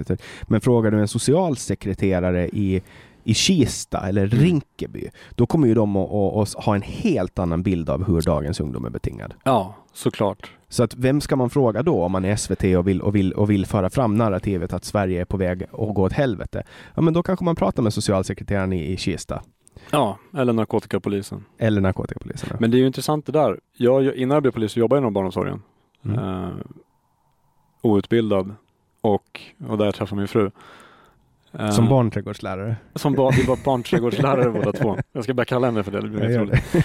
Eh, och då jobbade jag på en förskola på Malmvägen i Sollentuna. Och Malmvägen, du, du rycker inte till Malmvägen? Nej, vi, vi är för långt men från Jimmy, stan. Jimmy är från söder. Eller Ja, från men- söder om söder. Ja men då så, då är vi för långt ut. Nej men Malmvägen är mest berömd för att Christer Pettersson bodde där ett tag. Okej. Det är liksom ett miljonprojekt i Sollentuna och Sollentuna är ju en väldigt liksom Du har Malmvägen precis vid eh, Sollentuna eh, station, eh, centrum och sen har du liksom Edsviken ett stenkast därifrån som är så här superfräscha villor liksom. Så det är väldigt så segregerat som, som många andra kommuner i Stockholm är. Eh, och det ligger väldigt nära liksom allting. Man bara så här, Malmvägen är bara en, det är bara en liten, det är ett kvarter liksom. Men det nämns, har nämnts i alla fall i samma andetag som liksom hela stadsdelar. Så här, Rinkeby, Tensta, Malmvägen. Man bara stopp nu. det är bara en gata. Men de har haft jättemycket problem. Jättemycket problem. De har mycket problem. För det är liksom en, det är en, det är en ganska stor i förhållande till hur många som bor på Malmvägen. Är det- kriminellt gäng Är liksom. det Malmvägen man kan klippa sig för typ 30 kronor? Ja, det är det säkert. Man någon, kan få mycket för 30 kronor. ja, jag vet att på, någonstans i Sollentuna så kan man klippa sig för 30 kronor. Ja, jag har bott i Sollentuna. Jag har jobbat och bott i Sollentuna eh, jättelänge. Från, jag flyttade dit 95 och jobbade som barnträdgårdslärare och På Malmvägen. på Malmvägen. Men det jag skulle komma till, apropå perspektiv och sådär. Eh, både jag och min fru jobbade på Malmvägen. Eh, 27 etniciteter i barngruppen. Eh, väldigt ovanligt med eh, liksom barn, familjer som hade bara svensk bakgrund. Ehm, och sen jobbade jag, jag tröttnade lite efter ett tag, så flytt, jobbade jag som en, an- på en annan förskola inom samma företag, det var en privat förskola. Eh, nere i Edsviken. Eh, och det jag kunde se, det var så här, okej, vi hade ju inte vi hade familjer med invandrarbakgrund men de var ju från länder som Holland och Tyskland och Schweiz och, och sådär. Ehm, De var vita helt enkelt. Ja, okej. Ja, det var de. Men men det jag har lärt mig av de åren och det min fru också kan skriva under på alla dagar i veckan efter, att ha jobbat väldigt länge på Malmvägen och nu jobbar hon inne i stan, innerstan. Det är att ungar är ungar och föräldrar är föräldrar. Liksom det, det, det är lite samma samma. Sen finns det såklart problematik i enskilda fall in, på individbasis på Malmvägen som är betingat just för att det är på Malmvägen, om du förstår vad jag menar. Eh, men i stort så är det liksom problemen som finns på en förskola på Malmvägen och liksom det, det finns inne i stan också. Sen, sen, vet man att de som går på förskolan inne i stan, de har, de har en annan slutstation när de slutar förskolan. Mm. Eh, många tyvärr av de som jag hade eh, som barn på, när jag jobbade på förskola. Alltså så här, det, det är så sjukt. Jag har bytt blöja och visiterat samma personer. Mm. Eh, och den är ju lite konstig. Ja. Men mest till fördel när, i, i mitt jobb som polis ute i Sollentuna. För alla vet vem jag är på Malmvägen. Liksom. Nu kanske de glömt bort mig, jag vet inte. Ja. Jag kan tänka mig att du, att du har sett både positiva och negativa livsöden utspela sig då? Ja, absolut. Det var den sista sommaren på, på, som uh, ingripande polis så var jag med om två mord. Uh, ett på Malmvägen och ett annat ganska uppmärksammat yxmord. Två 16-åringar, 16-åring som slog ihjäl sin kompis. Så den där erbjudandet om tjänst på dialogpolisen, det kom så här, det kom ganska bra tajmat. Jag var ganska färdig med det där. Mm. Um, så det var skönt. Ja, jag kan tänka mig att det är psykiskt påfrestande att, att stå där och, och liksom behöva hand, handgripligen ta och reda upp allt det där. Ja, absolut. Sen, är, sen kopplar man ju på man är, har man en uppgift så fokar man ju på det liksom. Uh, och då blir det oftast lättare, lättare men uh, det är klart man berörs, herregud. Och vi har en, det ska jag säga också om polisen, vi har en under åren här nu så har det vuxit fram en fantastisk organisation kring eh, debriefing och avlastningssamtal, krisstöd, krishanterare som sätts in liksom tillgängliga dygnet runt för polispersonal. Eh, så där, där har man ju fattat mycket liksom. Mm. Eh, vikten av liksom den här, det här psykosociala omhändertagandet efter traumatiska händelser. Liksom. Ja, det var ju efter Estonia som man började, eh, Estonia-katastrofen, som man började eh, med debriefing. Just det. Just det. Eh, före det så lämnar man egentligen folk vind för våg och, och reda upp det själva om dem. Ja, jag kommer ihåg vi hade en föreläsare på skolan. Han föreläste i så här Alltså på Polishögskolan. Han föreläste om eh, typ så här kost och träning kopplat till treskiftsarbete och vad man ska tänka på och sådär. Och så råkade han vara den som, som uh, sköt Mattias Flink vid ingripandet. Vem, eh, vem var Mattias Flink var en, eh, en massmördare i Falun. Han, sköt, han fick en alkoholrelaterad psykos och sköt sju personer tror jag. Oj. 94. Jag glömde att du är ung. Och, ja, jag föddes 94. Och föddes inte ja. här i 94. Eller du född här? Nej. Eh, nej, jag är född på Åland. Ja, du är född på Åland. Jag ja, då var här 2016. Jag utgick från att Mattias Flink var det är? Ja, han visste vem det ja. ja. Eh, nej men då, och då sa han att debriefingen efter det, liksom i Falun på 90-talet, eh, det var så här, befälet gick och köpte en platta folköl på Statoil och så satte de det i, liksom, i fikarummet och bara bra jobbat grabbar, så här ska vi dricka bärs. Liksom. Ja, det har hänt mycket sedan dess. Ja, det har hänt otroligt mycket. Ja. Eh, Åland var ju lite av en central punkt eh, kring Estonia för att det var um, väldigt nära som färjan förliste och många fick sin, sin vård på, på Åland och så. Mm. Och det var en psykiatriker en åländsk psykiatriker som var med och uh, utvecklade hela den här uh, katastrofmetoden då efteråt. Alltså, mm. Krishantering. Liksom. Ja, så mm. att, och det var ju då psykisk första hjälpen kom till också Just efter det. det. Uh, så att eh, jag förstår att, att det kan vara viktigt att liksom prata igenom de här Mm. sakerna. På tal om Estonia för övrigt så finns det ett, mitt, ett av mina absoluta favoritsamtal som jag har gjort i den här podden är med en överlevare, Anders Mhm. Eriksson. Mm. Så eh, alla som hör det här som, som frågar, det är ganska många som frågar vilket mitt favoritsamtal är. Eh, och det är faktiskt ett av dem för att det var så jäkla berörande att höra Mm. eh, hur han eh, tog sig ut från den här sjunkande färjan och överlevde och så. Mm. Ehm, men ehm, vi hoppar ju runt lite i ämnen och det är så den här podden funkar. Mm. Eh, Det är meningen att man ska hoppa runt lite i ämnen och jag försöker att inte leda samtalen så jättemycket men jag sa ju att vi skulle hoppa tillbaka till narkotikapolitik. Mm. Eh, och jag tänker att vi gör det i ur det perspektivet då att vi pratar om Mikael Damberg och den invit som du räckte ut till honom efter det här totalhaveriet i Sverige möter. Ja. Ja, och vad ska jag säga om det? Hur kom det sig? Du, du, du Nej, men jag honom. twittrade, han sa det här citatet som, som, vi, som vi berörde i början här och, och jag låg ju hemma i soffan och kollade på det där så jag tänkte liksom, mhm. Jaså, har du inte träffat någon? Så, nej, det är klart att du inte har. Eh, och så skrev jag en tweet liksom. Taggade in honom liksom och så skrev jag, ska vi ta en fika? och eh, den där tweeten fick ganska mycket spridning. Eh, och så kontaktade Göteborgs-Posten mig eh, och skrev en debattartikel med den rubriken. Typ så här. Det var inte jag som satte rubriken och rubriken var så här, ska vi ta en fika och prata om legalisering Mikael? Okej. Man ska alltid skriva sina egna rubriker. Ja, nej men alltså, jag, jag har aldrig skrivit, det var första gången jag skrivit debattartiklar så jag, jag, liksom, jag vet inte mer, jag tror jag fick hjälp eh, av, av eh, både min pappa och eh, min, eh, mina bekanta på Twitter som, som jag har i, i sakfrågan. Eh, Johan Svensson, Göteborg. Tack så mycket för hjälpen med debattartiklarna. Eh, och och jag väntar mig liksom inget av det där. Herregud, han läser väl inte ens det där. Det är väl någon pressekreterare som sållar liksom. Eh, men så kom det en replik på min. Från oväntat håll.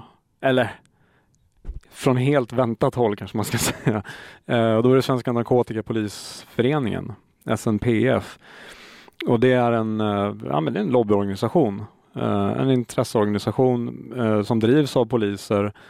Och som vill att det ska vara hårdare lagstiftning. Jag vet inte riktigt vad de vill. Eh, och det är lite symptomatiskt för, för eh, de flesta organisationer som är Alltså om vi tittar på nykterhetsorganisationer eller eh, ja, jag vet inte vad jag ska kalla det. Jag tycker, jag tycker det är så onyanserat att säga så här antidroglobbyn. Det blir så konstigt. Men det finns massa organisationer. Nark- eh, Riksförbundet Narkotikafritt Samhälle, eh, paraplyorganisationen Narkotikapolitiskt Center, nykterhetsrörelsen IOGT-NTO till exempel.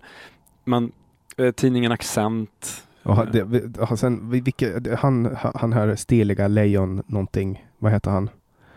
Eh, som har skrivit någon bok. Eh, Han är ju knuten till någon av de där organisationerna också. Jag Ja, hörde jag honom i. Almedalen. Han har varit med i Hur kan vi med Navid Modiri. ehm, just det. Le- Erik Lejonmark. Ja, något sånt. Just det. Ja. Ja, ja han, jag vet inte vad, vad, vilken organisation just han är knuten till. Men, men, det, men det är liksom det jag har märkt nu under de här två, tre åren som jag har debatterat den här frågan är att okej, nu har vi en, en, en narkotikapolitik som ser ut som den gör och så kommer det kritik mot den. eh, ifrågasättande. Eh, och liksom en global förändring som du nämnde, liksom flera länder som, som väljer en annan väg än vad Sverige gör och har gjort. Um, och det är ingen, vad jag har sett, som försvarar aktivt våran gällande narkotikapolitik eller våran rådande narkotikapolitik. Eh, utan man bemöter istället eh, inom citat våra argument för avkriminalisering, för skadereducerande åtgärder, för legalisering och reglering. Då bemöter man de grejerna med Alltså i i varierande grad av kvalitet skulle jag vilja säga.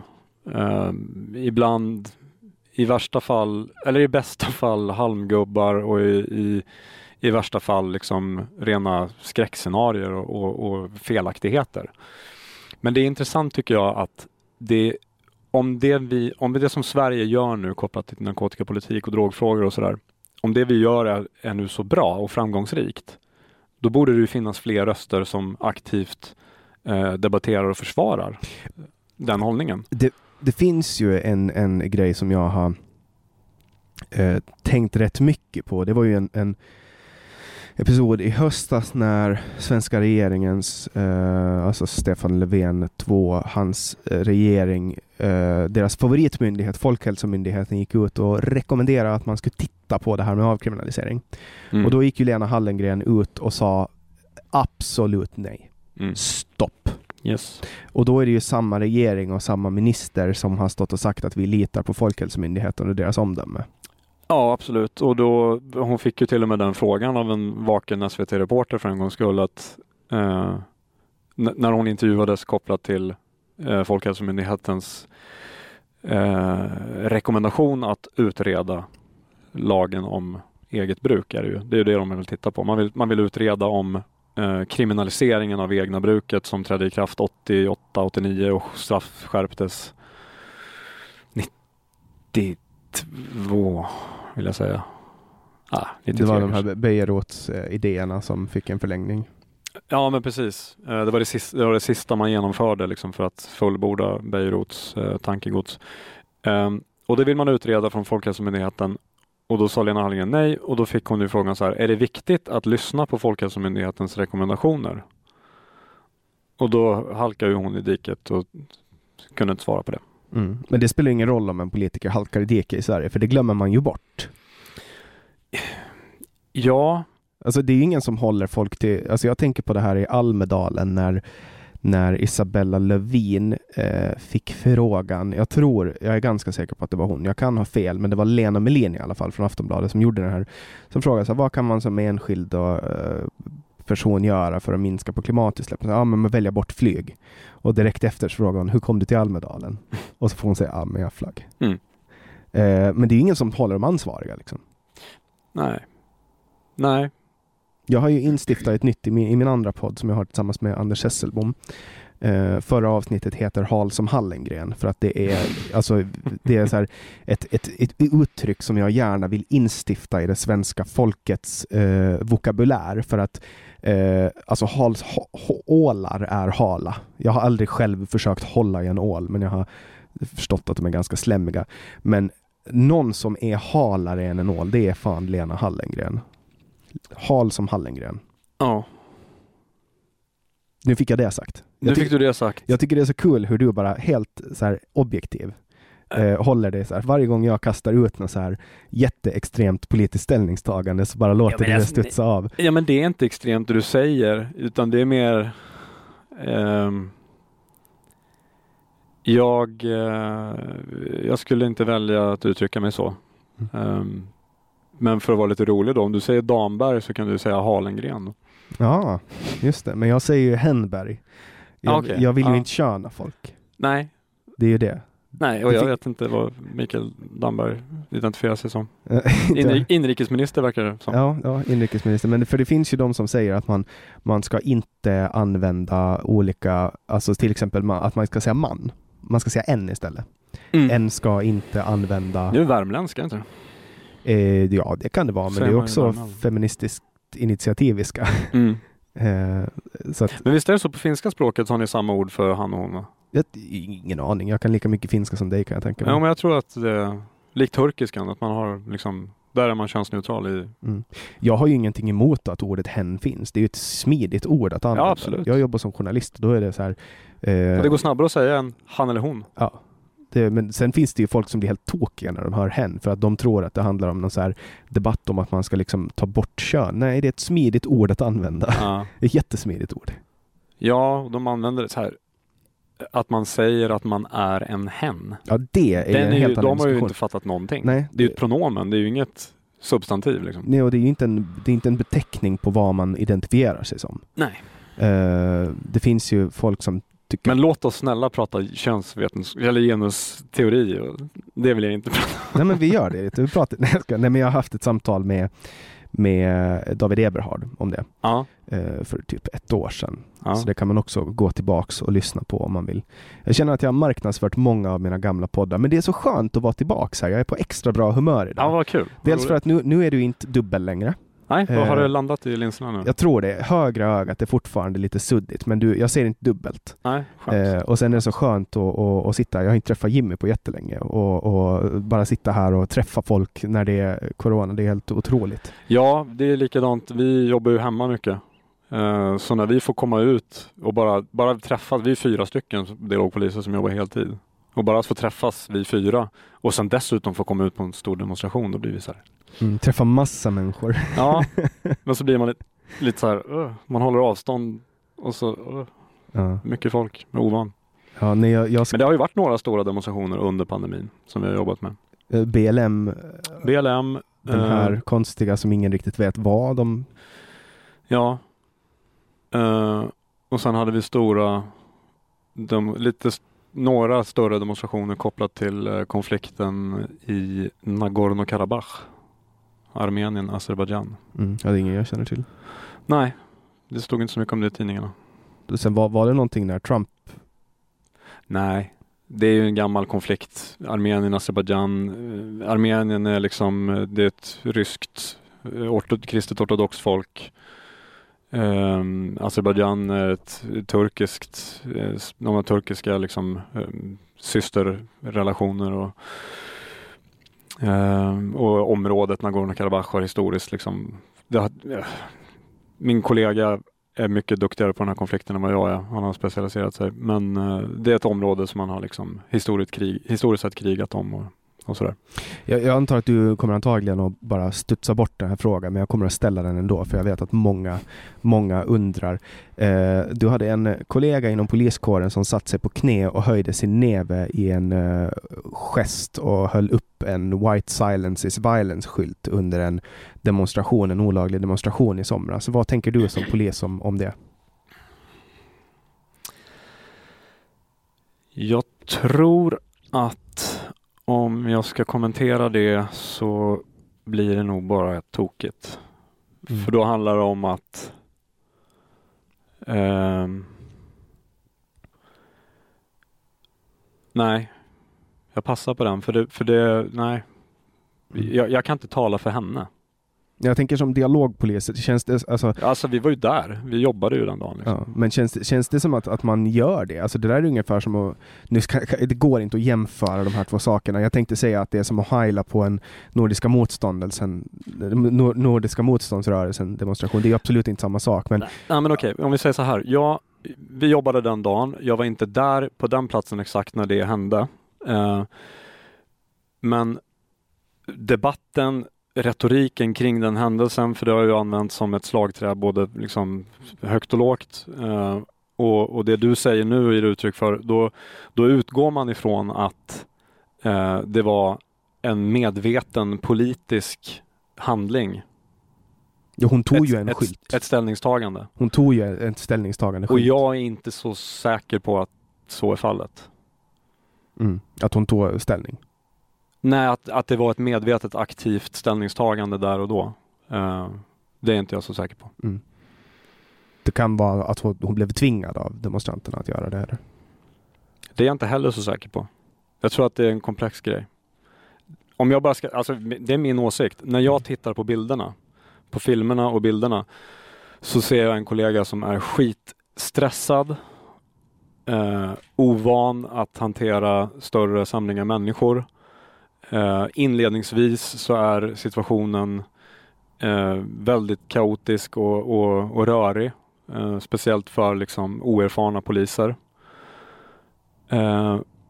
Och jag har all respekt för att man i den situationen uppfattar situationen som hotfull. Mm. Och det jag ser som sagt, det är stress, hon är stressad och rädd.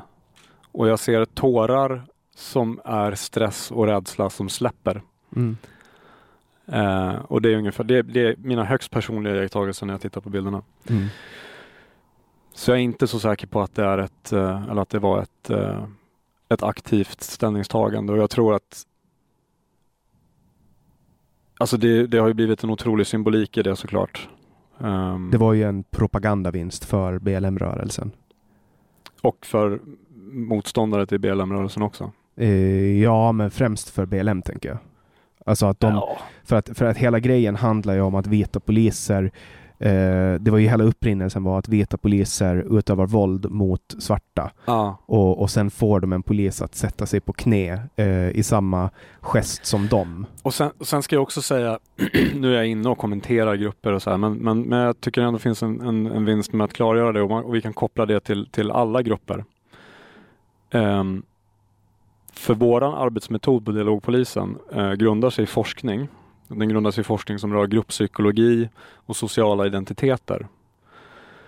Och eh, det är aldrig en grupp som är ute, en, en demonstration som är ute som vi, som vi har att liksom jobba med och titta på och, och bevaka i vissa fall då, som andra poliser. Den är aldrig homogen. Eh, utan den består av individer som är där av eh, olika skäl. Som den här demonstrationen i lördags. Där har vi till och med liksom ett politiskt, eh, en politisk mångfald eh, och en sakfrågemångfald bland deltagarna i demonstrationen. Det kallas i lekmannaspråk eh, spretighet. Exakt, spretigt ja. Eh, och så, så ser det ut i alla grupper och det finns liksom forskning på det. Ehm, vi brukar, nu är det här en, en ljudpodd, men, men vi brukar liksom på utbildning och sådär internt så brukar vi liksom illustrera den här bilden, modellen, forskningsmodellen med en, med en teckning liksom där man ska försöka beskriva det i ord, men man ritar upp liksom som en cirkel som en demonstration. Och så brukar man dela upp tre liksom, kategorier eh, människor och så brukar man benämna dem X, Y och Z. Om man börjar med Y så är det eh, slarvigt sett sagt då liksom den, den majoriteten, eh, de allra flesta deltagarna. Man delar sakfrågan, man är överens om metoden, det vill säga demonstrera, väcka opinion på, på, i, i det offentliga. Eh, och man är i mer, alltså i varierande grad vänligt inställd till och samarbetsvillig med polisen. Man är ganska rimlig alltså. Ja, man är, ja, precis. Ja, man är ganska rimlig. Ehm, och det är de flesta i, i, i den här modellen. Sen har vi eh, X, som vi brukar kalla Xen då. Och det är de som är, de delar liksom sakfrågan eller ideologin, eh, men de är liksom inte riktigt överens om metoden. De är där, men de kanske egentligen tycker att varför ska vi vara ute och demonstrera? Det, det hjälper inte våran sak. Liksom. Utan de kanske är mer övertygade om hot och våld som, som metod för att nå sina syften. De kanske tycker att man ska liksom ja, men åka hem till meningsmotståndare eller skicka hotbrev eller sådär. Våldsbejakande helt enkelt. Ja. Och sen har vi Z och Z glöms lite i den här modellen ibland, eller i alla fall av mig. Eh, Men de är jävligt intressanta för det är alla liksom yttre eh, faktorer. De är, de är inte med i den här ringen som vi målar upp som demonstrationer utan de står liksom så här utanför. Eh, Och det kan vara förbipasserande, åskådare, eh, media eh, och framförallt polisen. Och Roger Challe Sahlström. Ja men han är väl media? Nej, men jo det är han, men han är ju alltid där och Ja. på alla demonstrationer. Ja, han är ett Z. Ja. Om du hör det här Salle, du är ett Z. Ehm, och framförallt är Z polisen. För det är vi, gruppen, Ni ingår alltså i Z? absolut. Ja, okej. Och gruppen påverkas ju av eh, bland annat då hur, hur, vad, vad Z-orna gör. Zätarna skulle jag säga. Zätarna, Satarna. eh, ja, det var svårt. Plural på Z. Skitsamma. Eh, Vad Z gör? Ja, exakt. Ja. Eh, och de, de, de påverkar gruppen och då kan ju liksom eh, förbipasserande kan ju påverka gruppen. Eh, någon som slänger in ett glåpord, liksom så här, uh, så, det kan ju påverka gruppen. Eh, journalister kan ju påverka gruppen genom att till exempel vara för påflugna eller liksom sådär. Eller det kanske är journalister som, som man inte tycker om. Eh, men framförallt så är ju polisen det största sättet Eh, som, och våra åtgärder påverkar gruppen mest. Och om man tittar då på liksom eh, metoden, vad är målet för polisen i den här modellen? Jo, det är ju att påverka Yna att inte bli X. Och att liksom Just det, man ska försöka hålla, extre- eh, eh, man ska hålla borta de extrema elementen från att influera, Ja men precis. få våldsverkarna. Och Exakt. Liksom, Och nu är vi ju inne på det vi pratar psykotaktiskt då liksom. mm, Påverkan. Om det är, om vi ser så här, vi, för vi, vi, jobb, vi säger att vi jobbar med grupper och inte individer. Eh, men såklart har vi individkännedom, för vi jobbar ju liksom, man ser ju vilka personer som är vad. Eh, men om vi ser då personer som vi vet är, ja men det där är X i den här demonstrationen, oavsett vad det är för demo- demonstration. Då är det inte dem vi går fram och samverkar med, för de har ju inget intresse av att samverka med oss. mm. Och det är inte dem vi ska vända till Y. Så det man kan se när man ser Facebook-filmer från en demonstration när en polis går på någon som är syn, i- alltså, ser helt oskyldig ut så kan det vara så att det finns en tidigare historik där mellan polis. Man vet vem det handlar om. Ja, det beror ju helt på vad du menar. ja, Alltså- men för jag såg lite filmer från demonstrationen när polisen helt plötsligt bara targetar en speciell person och försöker ta ut den ur, ur crowden. Pratar du om i lördags eller? Ja. Ja, men där är det ju speciellt då eftersom där jobbar vi som vi sa med det här avlägsnandet i den nya pandemilagen och där finns det liksom inte som, som i vanliga polislagens 13 paragraf där vi får avvisa om avlägsna och omhänderta. Men då har du ett rekvisit som krävs att du ska vara ordningsstörande Mm. eller det ska vara fara för brott eller något sånt där. Men det rekvisitet har vi ju inte när vi jobbar i pandemilagen när syftet är att upplösa demonstrationen. Mm. Så egentligen så skulle man ju bara kunna ta vem som helst liksom. Mm. Och det kan ju uppfattas på olika sätt såklart. Gå hem.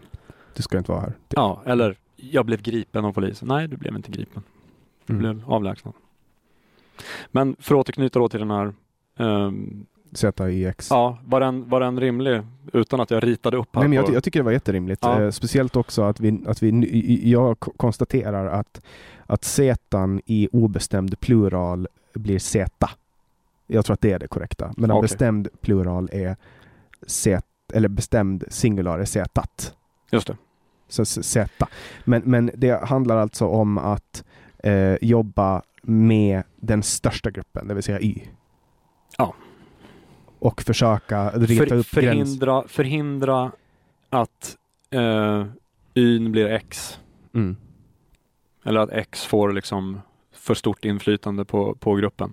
Så om det står då en, en demonstration med typ Nordiska motståndsrörelsen och så kommer, kommer folk, eh, då, jag kan tänka mig att största delen av den demo, demonstrationen, det är Z.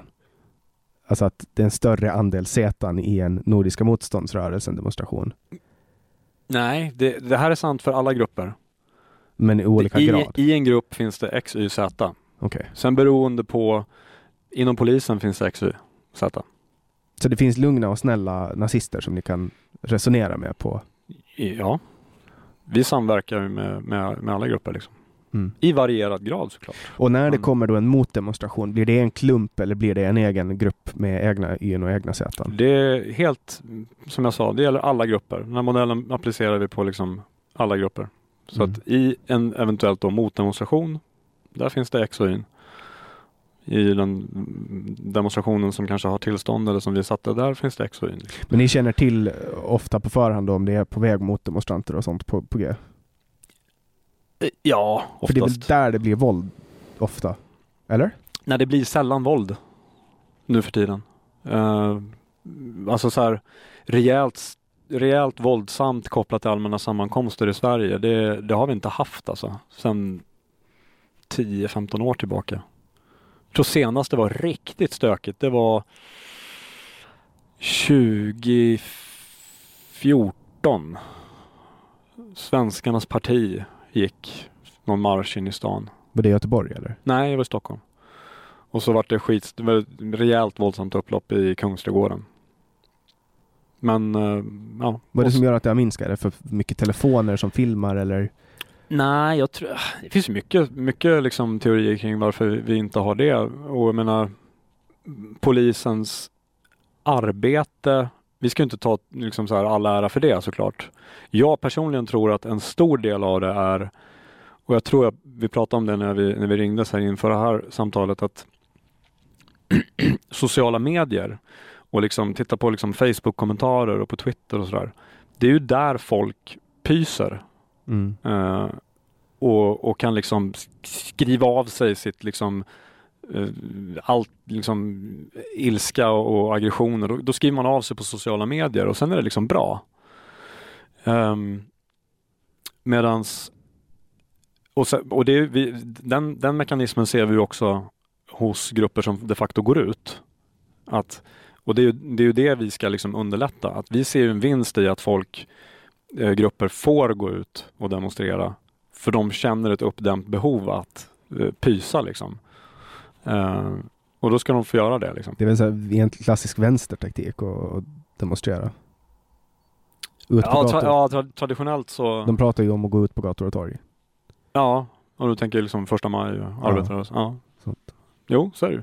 Mm. Jag var med i många demonstrationer när jag var ung. Jag var punkare och hängde på Café 44 om du känner till det. Kanske för ung. Jag är nog för ung. Eh, du är född 82?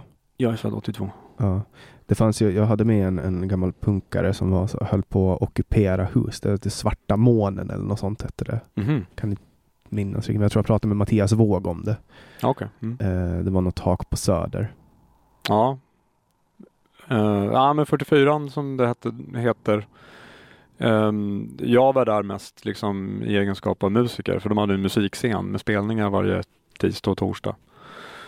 Um, men, uh, nej, men jag hängde med liksom vänster, vänsterextrema. Var jag var väl var, vänsterextrem själv. Var du ute och hade slagsmål? Nej, jag, nej, jag har aldrig varit... Så du, men du säger att du vän, var vänsterextrem, det är intressant. Jo, men det, det, får jag väl lov att säga. Ja, absolut. Men jag, uh, tänker, jag tänker för en vänsterextrem är ofta sådana som gillar våld. I min värld. Men sen... Ja, det, det, det kanske är ordet extrem som, som för dina tankar till våld. Antagligen. Uh, men, men i min värld så är det skillnad på extremism och våldsbejakande extremism.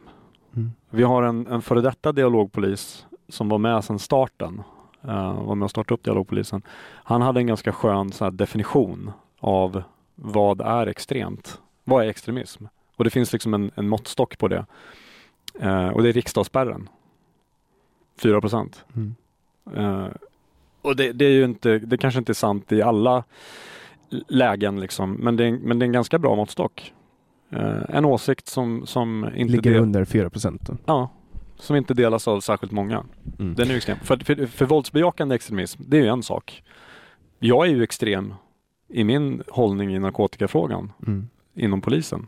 Där är jag extrem. Liksom. Men då har du gjort en liten resa om du säger att du har varit vänsterextrem. Var du möjligtvis en liten marxist?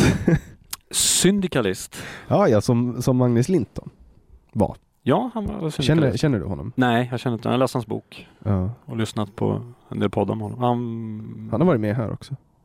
Jaså? Ja. Trevligt. Vi pratar narkotika. Vi pratar lite mer annat då, men han har ju då skrivit boken Knark, en svensk historia. Eh, som går igenom hela historien med svensk narkotikapolitik och upprinnelsen och Bejerots eh, marxistiska idéer som, som ledde till att, att vi har en narkotikapolitik som har lett till den högsta dödligheten i Europa. Eh, ligger i alla fall högt på topp och konkurrerar med u-länder. Mm. eh, vilket är tragiskt enligt mig. Mm. Eh, men han har varit med och han var också syndikalist, berättar han. Ja, ja han, har, han har väl skrivit eh, någon bok om uh, djurrätt också, från vegan, ja. militanta veganer och sånt där. Mm. Uh, jag var aldrig särskilt aktiv syndikalist. Det var mer en musikgrej? Att, ja, jag ja. var där. Jag var, um, vi spelade musik liksom. Ja, så det var, var mera musik och sen anpassade du dig till omgivningen? Ja, nej men alltså jag var, blev punkare typ, alltså jag blev ju, började lyssna på punk när jag var så 11-12. Mm. Och då var man ju liksom då var det ett paket man köpte liksom. Man, man, när man är 11-12 då är man ganska formbar. Ja. Och ganska tacksam för att liksom, aha, det finns en hel personlighet med musik, kläder, åsikter som jag bara kan Hoppa in. suga åt mig. Liksom. Alltså, fast, fast, bara blir du accepterad? Ja, nej, mm. men man sluter sig som en liten subkultur och sådär. Och, eh, och jag var inne på det när jag pratade med Aron, men jag har alltid och det är väl därför jag håller på och bråkar och tjafsar som jag gör nu. Här, polis som är för legalisering. Liksom. Men jag tror att det, det, det finns ett, ett, drag hos mig som är liksom att jag, jag, måste liksom vända mig mot det sammanhang som jag befinner mig i. Eh, jag kan inte bli jag kan inte hålla, hålla med så jävla mycket hela tiden. Den här konsensus eh, liksom, vi har, den är... Ja, jag orkar inte. Men tror du att det här, för att du har ju ändå äntrat den politiska arenan, tror du det här på något sätt kan göra att du, att du får motstånd från Polismyndigheten som gör att du blir utmanövrerad på något sätt? Nej, det tror jag inte. Om det händer då, vad gör du då? Jag vet inte. Skriver en bok och blir Swish-journalist som Joakim Ja. Lamotte, rakar av sig håret och står Ja. och skriker utanför. Sitter i mastarna och skriker. Nej, jag vet inte. Jag har inte, som sagt, jag har inte mött på någon nå, nå liksom, eh, direkt negativ feedback internt för det här. Eh, enstaka kommentarer på Twitter liksom. Men ingenting inifrån myndigheten. Nej. Vad säger dina kollegor då? Det är inom dialogpolisen. Eh, de backar mig 100 procent. och ett, någon enstaka inom vår grupp har jag lyckats till och med Vända. vända upp, få ändra uppfattningen. Du är ett hot mot demokratin. Va? Du är ett hot mot demokratin. Du vänder folk till... Vi ska ju ha det som vi alltid har haft det. Vi Jaha, du ha, tänker så. vi ska ju helst arkebusera eh, folk på gatan om vi misstänker att de kan ha droger i kroppen. Eller Ja, haft. det, det prövar de i Filippinerna, men det, inte ens det funkar ju. Liksom. Det är vidrigt alltså. Nej, jag, Till och med de har börjat förstå det nu. Ja, alltså för att du vet, alla människor känner ju någon som är, har någon form av missbruksproblem. Mm. Alltså jag menar att man har ofta... Eller har haft. Ja, eller har haft. Har du tio kompisar eller har du tio personer som du känner så är en av dem statistiskt sett då beroende. Och Har Mm. du 50 personer, har du 100, det, är liksom, det kommer att ske. Det Mm. spelar ingen roll var du skär i samhällsskikten, om du tar övre medelklass, om du tar underklass eller om man nu ska prata klass överhuvudtaget, om du tar taxichaufförer. Sen finns det ju inom vissa yrken som, som du har en högre frekvens av alkoholberoende, så, men det kan ju också Mm. vara för att människor som har den här benägenheten drar, man vet inte vad som är kausaliteten. Liksom, och, och, och så. Nej, kausalitet och korrelation är ju svåra grejer. Mm. Och, det, och det har man ju ofta, det, det används ju fel. Alltså jag tänker ju speciellt på, på den här gubben eh, som, som säger det börjar med en joint och så går det över i hash i något gammalt debattprogram när Joakim Lamotte jobbar på public service. Ah. Eh, och det finns ju hela den här bilden, alltså den är så djupt rotat Nils Bejerots eh, kommunistiska idéer om, om att, att eh, narkotikaberoende sprids genom beröring som en pandemi. Ja, han pratade ju mycket om, eh, om eh, smittobegreppet liksom. Um, och, och det jag, nu har jag liksom på senare, senare månaderna så har jag gått tillbaka och liksom verkligen läst mycket om Beirut. Och jag har landat i, eller en iakttagelse jag har gjort är att börjar man nysta i, no, i en enda grej så faller hela skiten. Mm. Tror jag i alla fall. Ja, det är som ett korthus. Ja men precis, för att alltså, tar du bort, alltså, den förutsätter så, så många saker. Den förutsätter gateway-teorin, det vill säga att eh, en, illegal, in, en illegal drog leder till en tyngre illegal drog. Och den motbevisades på 70-talet, så där Ja. faller den. Ja, eh, för, den, för den, den utgår från något sätt att, att eh, juridiska statusen på en drog har någonting med, med drogens effekt att göra. Mm. Eller drog, drogens farlighet. Eller farlighet, skadeinverkan kanske. Ehm, så att drar man i gateway-teorin, då faller det. Säg, och drar man i gateway-teorin, den faller ju bara på det faktum att läkare skriver ut bensodiazepiner och opiater varje dag. ja men precis. Och vi får, vi, de blir inte automatiskt heroinister av att åka till sjukhuset och operera höften. Nej, jag käkade liksom eh, morfinpreparat efter en operation här nu i höstas i typ sju dagar. Så du knarkar också? Jag knarkade. Du är en no, drogliberal knarkande polis. Jag slutade äta Oxynorm efter min testikelcanceroperation. Eh, för jag hade ganska ont i ljumsken eftersom de går in i ljumsken och fiskar upp den ena kulan och klipper av den. Så du fann det inte på plattan? Nej, jag gjorde inte det. Nu fick jag för sig typ en barndos Oxynorm. Så det var mer som en varm kram varje gång bara. Ja. Så här. Mm. Men, men jag blev förstoppad i tre dagar. ja. That's it. Så jag menar, där, okej, gateway-teorin, drar man i den så försvinner det. Om man konstaterar att det finns människor som kan använda illegala droger utan några större negativa inverkningar på deras liv. Alltså deras relationer, deras jobb, deras karriär. Liksom.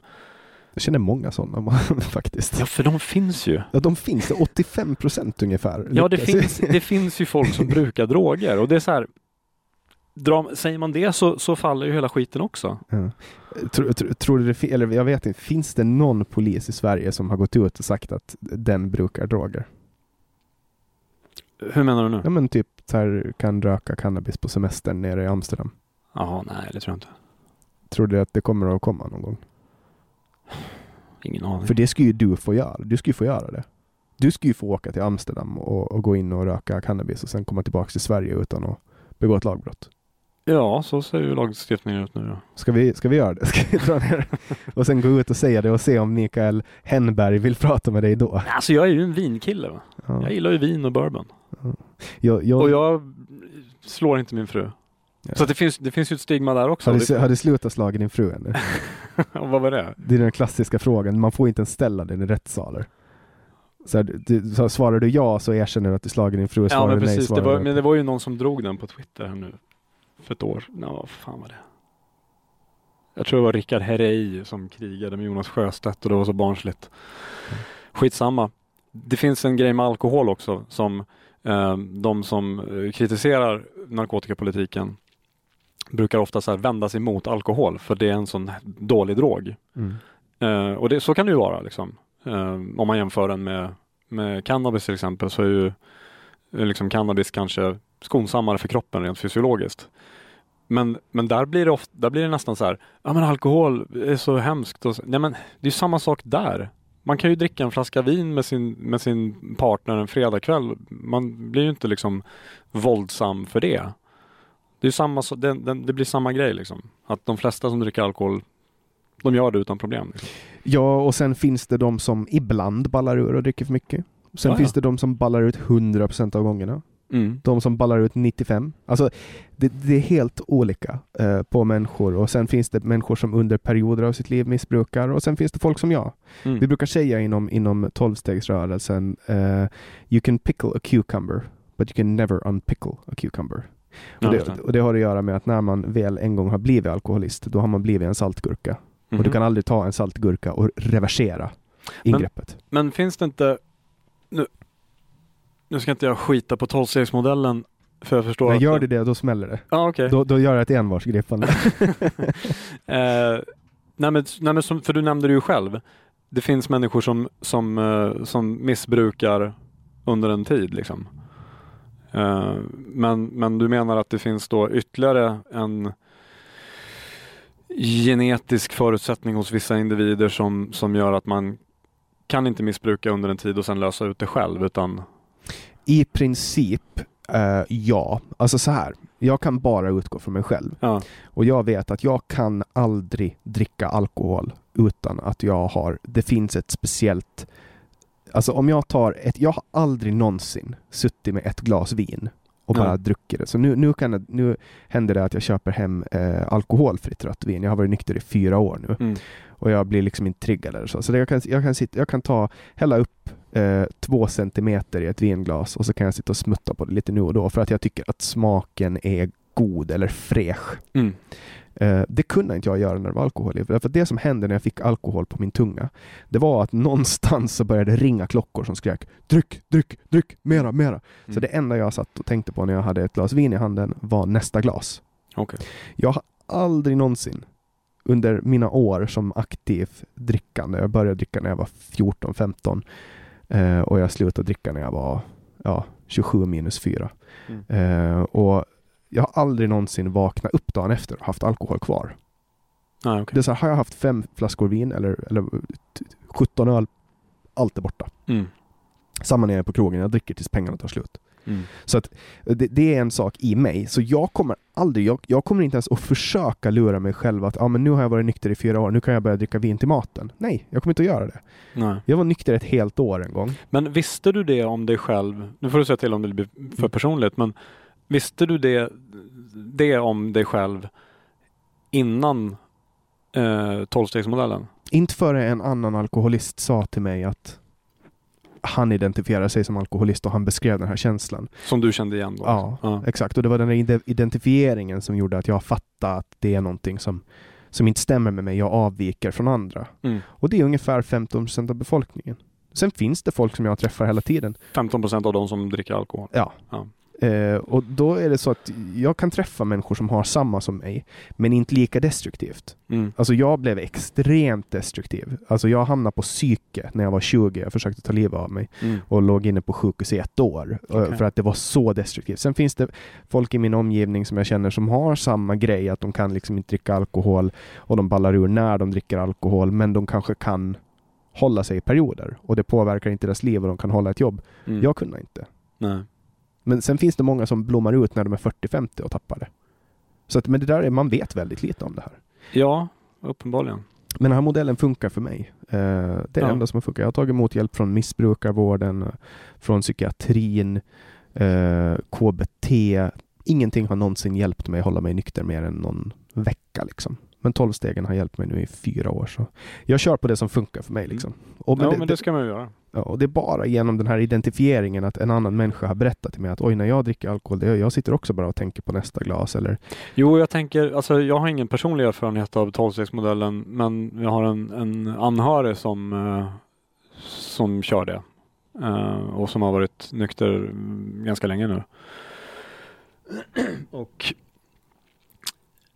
jag, jag har tänkt, vi har pratat en del eh, om det genom åren och jag, jag tänker att det, det, det, det är lite som du beskriver. Jag tror att det som hjälper mycket, det är ju det här att man man inser, man ser att, att eh, eller någon annan som har varit i där du har varit, liksom klär den upplevelsen i ord. Och så, och så blir det ju ett, ett sammanhang, ett meningsfullt sammanhang att ingå i, kan jag tänka. Jag har varit som anhörig med på ett, på ett möte för länge sedan. Eh, och det är ju en väldigt så här tight knitted group liksom. Mm. Det är ju identifikation och jag brukar, jag brukar tänka på det som en flock.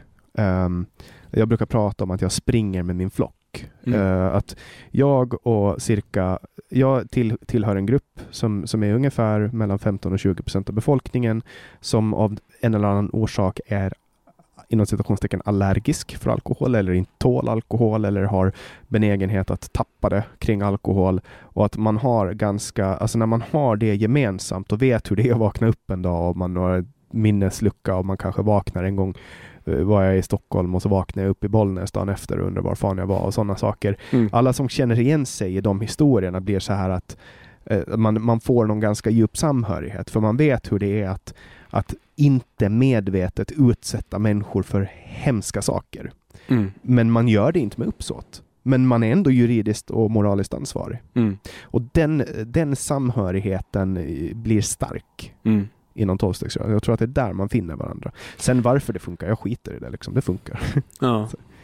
Nej men det är ju intressant det där kopplat till det vi berörde också med liksom med grupper och, och eh, men jag, gick, jag gick från punkare till polis liksom. Mm. Det var lite steg emellan. Var du lite kriminell också som punkare? Nej, nej. Jag är... När jag var 15 så rapporterades jag för uh, uh, förargelseväckande beteende genom offentlig urinering som det heter. En ordningsbot på 500 kronor. Ja, då var det 500. Jag tror de har höjt till 800 nu, men det här var fem, när jag var 15 så det är 97.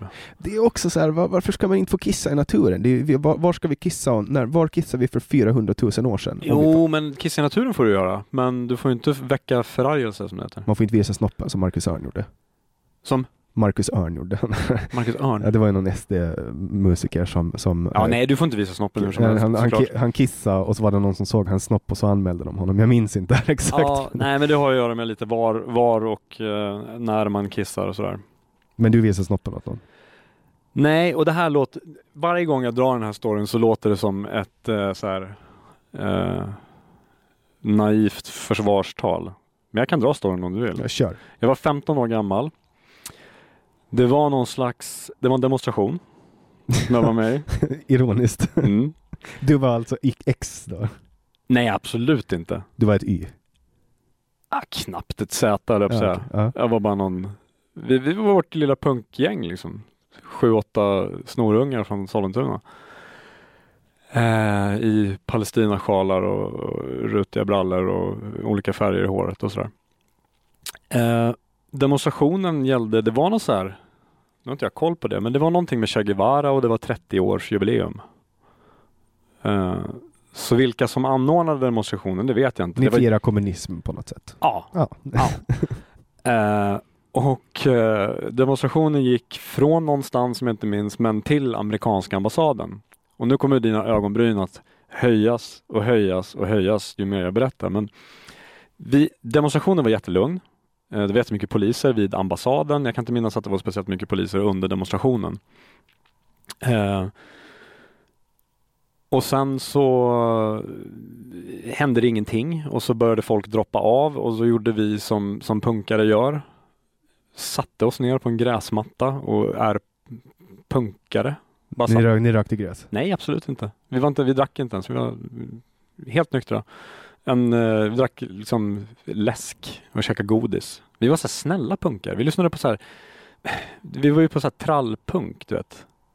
Om du känner till den Ja. genren. Nej, inte riktigt. Så svensk punk som Strebers och liksom De lyckliga kompisarna och Räserbajs och Radioaktiva räkor. Sådana sköna bandnamn. Det, det var vårat folk liksom. Jättesnällt. Det som Det finns ju ett namn också där som jag, som jag vill ta upp nu men jag kan inte säga det för man får inte säga det. Nej, det finns nog mycket från den, den genren som man inte får säga längre. Ja, Ja. Det stämmer. Är det Stockholms? Ja, Ja, just det. Stockholms n-ordet. Micke Alonso och grabbarna. Ja. Stockholms n-ord. Ja. I pluralis, alltså bestämd plural. Ja, det Mm. blir väl n-ord. Ja, n-ordet i bestämd plural. Stockholms n-ordet i bestämd plural.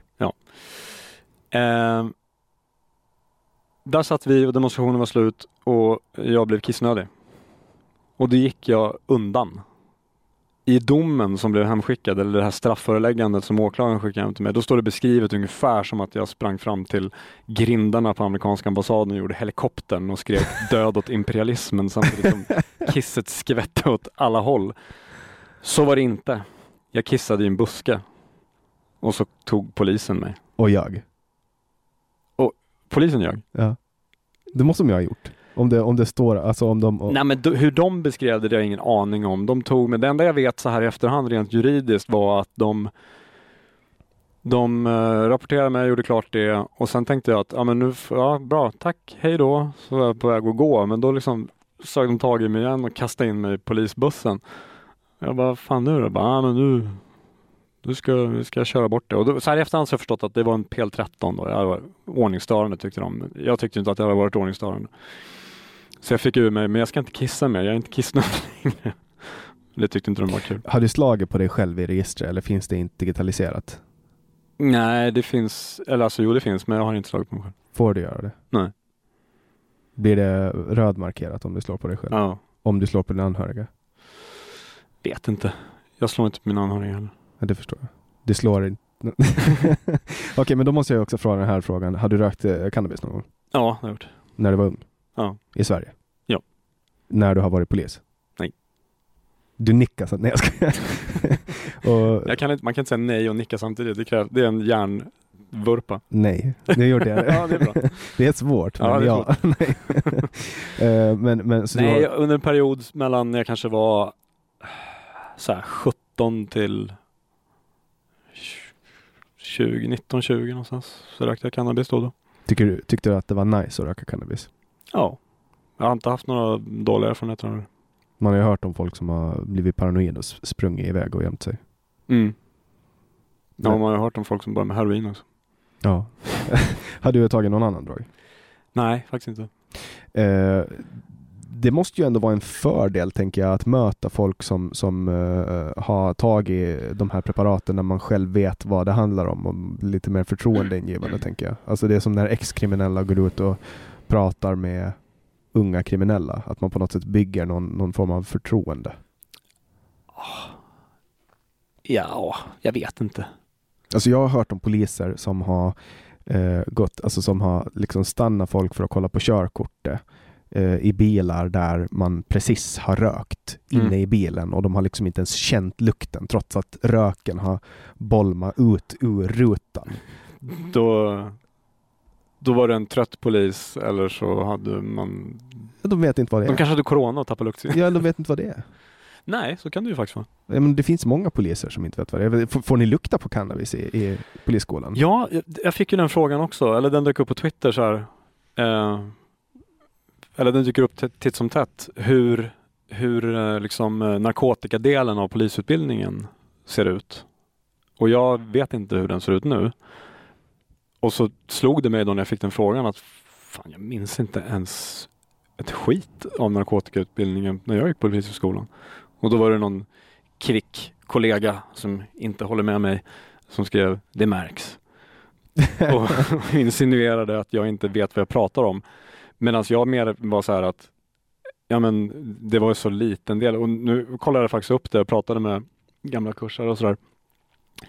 Narkotikadelen var inte ens en egen kurs eh, utan den var integrerad i, eh, vi hade en ungdomskurs kan man säga. Mm. Eh, det är en speciell lagstiftning för unga lagöverträdare och sådär och där var den liksom integrerad. Man happar in den liksom någon Ja, och, och det jag minns var en föreläsning av någon ja, kille som hade jobbat som narkotikaspanare eller narkotikapolis.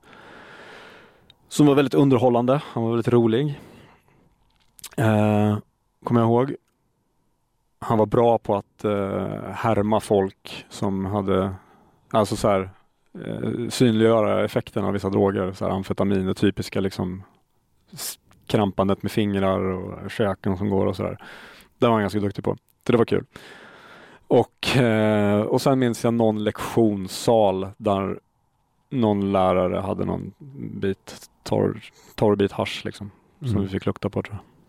Alltså jag tänker ju att som till exempel när, jag vet inte hur det är överallt, men, men jag har pratat med en läkare som berättade att när, när, när han utbildade sig till läkare så fick de testa ta betablockerare. Vet du vad betablockerare är för någonting? Ja, typ. Det är den här propranolol tror jag det heter som, som gör att ehm, hjärtat, blodtrycket sjunker lite och hjärtat kan inte slå över 90 slag per minut så man blir lite lugn och så. Man Ja, men är sådär. inte det, är inte det sån här, eller tänker jag på, det finns ju vissa tabletter som är sådär som absolut inte är narkotikaklassade men de är Mm. receptbelagda, typ så Atarax och Ja, men det är, det är en antihistamin. Det här är, mer, Ja, det här är en betablockerare som hindrar adrenalin och noradrenalin från att nå hjärtat. Så man, man blir helt enkelt inte, får inte fysiska symptom av nervositet. Ja, Men det gör också att, att hjärtat inte kan slå över typ 90 slag per minut. Så det de på, på läkarskolan så fick de ta Propral på lektionen och så fick de cykla. Testa Mm. motionscykla. Mm. Jag tänker att det borde man göra, att man tar en studieresa. Alla poliser som utbildar sig åker ner till Amsterdam och så får de testa röka på. Så att de vet vad, så att de, för det första så att de vet hur det luktar och för det andra så att de vet vad de kan förvänta sig. Det finns ju folk som på riktigt tror att en, en cannabisrökare kan bli aggressiv. Ja, Men, Nej, men absolut. det händer inte så ofta att folk som bara har tagit cannabis blir aggressiva. Det har väl säkert hänt någon gång, men jag tror att, jag tror att det är eh, då tror jag att det är liksom annat än, än bara THC som gör dig aggressiv. Det är inte en av de vanliga bieffekterna. Nej, absolut inte. Det är det ju inte. Men, och, och inte alkohol heller faktiskt. Nej, nej, det kallas ju per definition då alkoholpsykos när man, när man ragear och har druckit alkohol. Ja, och jag har funderat lite på det där liksom med, med haschpsykos och de begreppen. Jag tror att jag tror inte att många liksom som har befunnit sig i sådana situationer som till exempel när polisen träffar på människor som, som man menar har haft liksom en, en drogutlöst psykos eller till och med liksom eh, vårdpersonal på psykakuten diagnostiserar som en drogutlöst, eh, drogutlöst psykos. Så undrar jag om det verkligen är liksom, är alla kriterier verkligen uppfyllda för, ju- en, ju för, en, för en de facto psykotisk episod? Alltså det kan ju också vara så att de har varit vakna i flera dygn, Ja. tagit droger under tiden, men Ja. de har varit, tagit droger för att de har haft ångest och då kan det vara en ångestutlöst psykos. Ja, Här precis. vet man ju inte heller vad som är, är hönan och ägget. Nej. Vad är orsaken, vad är Nej. verkan? Så att det där är, och det där är många gånger, man vet väldigt lite om de här sakerna. Men alla människor som, skulle du sätta dig och vara vaken nu i fem dygn? Du skulle bli en knäppis. Du skulle Ja, sitta i kalsonger och, och rita gubbar på väggen till Ja. sist. Ja, ja men precis. Sömn, sömn, vad heter det? Sömnproblem. Nej, inte problem, men alltså Sömndepression. Sömn dep- Depriva- deprivation. deprivering. Ja, deprivation. deprivation. Ja. eh, det är ju psykosutlösande om någonting. Ja, och det kan ju vara Det används ju som tortyrredskap liksom. Ja, och det kan ju vara det också, att det är för att de, att de inte har sovit. Det Mm. måste, man vet ju inte. Det där är också så här, det där kommer att ändras också. Förut så kunde man ju bli intagen för att man var diagnostiserad med mongoloid idioti. Ja. Och, och det gör man inte längre. För menar, Thomas eh, Quick då, eller Sture Bergvall som han nu heter, ehm, han eh, diagnostiserades och fick vård för homosexualitet. Ja. alltså tiden förändras. Det finns paralleller som, som några gör till, eh, till homosexuellas situation. Alltså man jämför homosexuella situation och droganvändares situation. Och jag är väl inte riktigt helt med på det resonemanget. Jag ser vissa beröringspunkter men det är mer kopplat till som du säger eh, det som Aron benämner som eh, kulturspecifika tabun och, och liksom kulturell utveckling. Att liksom på en viss tid och en viss plats i, i, i ett samhälle eller i, i världen så, så förändras synen på vad som är okej okay eller, eller inte. Liksom.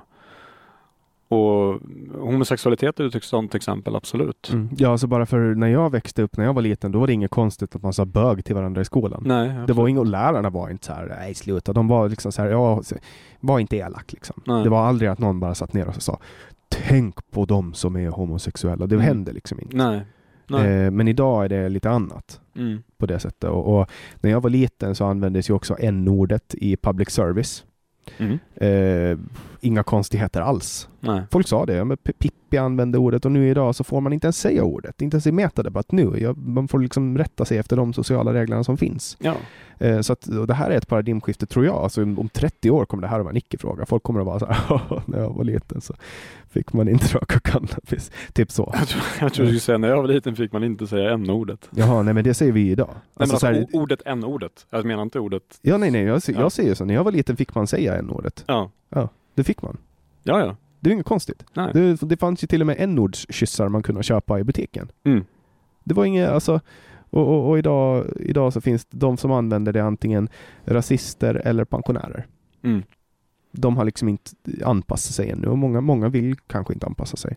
Men sen folk som, folk som hävdar sin rätt att få säga det för att man alltid har sagt det. Fuck ja, dem. men där kan man ju lägga sin energi på lite ja, viktigare grejer fuck, fuck, fuck dem. Liksom. Ja, det... Säg kokosboll. ja. eller chokladboll, det är inte så svårt.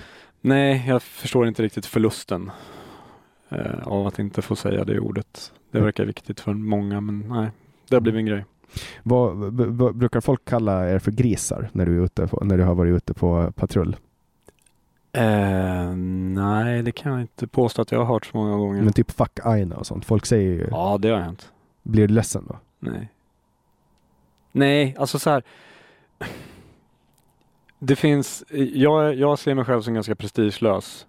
Och jag vet inte riktigt varför jag ska gå igång på oftast då en typ 13, 14, 15-åring som säger fuck Aina eller som pekar finger. Det kan finnas ett, ett syfte med att konfrontera den personen. Men då kan man göra det på många olika sätt. Typ, jag heter inte Aina! En gång var det en som, jag körde, vi körde förbi med polisbilen och så var det ett gäng som, och så pekade de finger åt, åt oss. Och då såg jag direkt vilka det var. Skitungar från Malmvägen som jag känner igen. Förlåt, inte skitungar. Jag älskar er. De är jättefina. Snällungar. Snällungar. Nej då. Eh, och då pekade jag finger tillbaka. och de såg väl på mina handtatueringar att det var jag. Liksom. så då var det så här, ja då såg jag att de började garva. Liksom.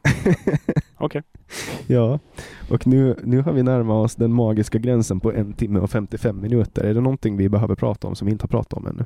Eh, nej, jag tror inte det. det. det. var ett jättetrevligt samtal och jag gillar det här liksom att det inte styrs upp. Det, känd, det har inte känts som vi spelar in en podd. Mm.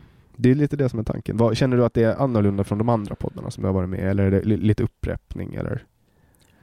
Um, ja, men vissa grejer blir upprepning. Um, men, men så får det vara.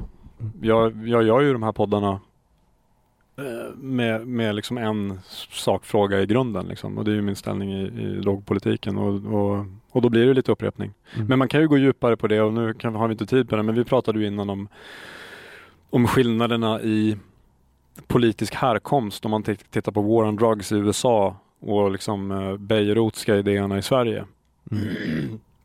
Där uh, jag är inte helt klar med formuleringarna än, men det finns ju liksom där man kan se att från i USA så kom det från de tankarna kom mer från eh, liksom någon slags högerreaktionärt. Ja, från anti, alltså det handlar väl om att man ville, man ville väldigt många människor som var på väg att bli arbetslösa från tiden, från förbudstiden. Och då med Harry J. Anslinger i topp så, så eh, grundar man DEA. Ja. Eh, och, ja, man hade någon myndighet som var satt att upprätthålla alkoholförbudet Ja, och, och så de- blev de arbetslösa. ja, och det ville man förhindra. Men det handlade ju också om att demonisera, man måste ju då Svarta. Ja, svarta och mexikaner eh, var det ju liksom. Jag har till och med läst att liksom, marijuana, det ordet, det är ju så här icke, det är ju något hittepå-ord liksom. Ehm, Ja, så man, man som men- lät mexikanskt och farligt. Ja, så man, man, ja, men som ordet knark i sig liksom. Ja. Eh, nej, men man, man ville ju demonisera, man sa ju att svarta rökte cannabis och f- förförde vita kvinnor Mm. och, och, och liksom och här, här grundade sig, man ansåg, det var ju rasism, alltså ren och skär rasism. ja. Och det, det kunde man ju inte riktigt ha som skäl i Sverige, men Ja, men då var man ju rasist i Sverige. ja, då var man rasist och det fanns inga, inga invandrare i, i några mängder att prata om. Det hade väl börjat komma lite greker och chilenare kanske framåt 60-70-talet. Ja, det var bara exotiskt liksom. Ja, eh, men, men jag tror att idén som Beirut hade i Sverige att man såg de här drogerna som något främmande. Det är ju lite så här att det var främmande för nationen Sverige och det hotade det svenska, liksom, den svenska folksjälen och, och, och inte minst liksom arbetarrörelsen, att man skulle göra rätt för sig. Då kan man inte bara ligga och knarka överallt. Liksom. För svenskar gillar ju inte alkohol. Nej, nej. Det, det, Men jag Beirut var väl inte skitförtjust i alkohol heller. Han var väl ganska puritansk va? vet fan. Vet. Han gillar Marx i alla fall, kommunistiska manifestet. Mao till och med. Ja, det, ja, det ska jag inte förvåna mig alls. Maos lilla röda. Ja. Mm. Det är tragiskt det där Beirut. Jag läste om hans son, inte om du känner till det. Nej. Han, det är väl i efterhand, efterhand man har förstått att han hade någon slags odiagnostiserad ADHD-variant parat med någon, ja, någon utvecklingsstörning. Liksom. Ehm, som, man är, som man har tittat på att det hade man kunnat lä- lösa med liksom, ja, det man behandlar ADHD med idag, det vill säga Mm. metachack. Ja. Centralstimulerande. Ja, och det ville inte Beirut. Eh, och sen ledde det väl liksom det ena till det andra och så tog han livet av sig sonen. Mm. Eh, och det är också så här, Ödets ironi. Tragiskt. Ja, men det har att göra med, för att jag läste någon annan, det var, det var ju föräldraföreningen, nej, Anhöriga mot droger var det som bildades då. Mm.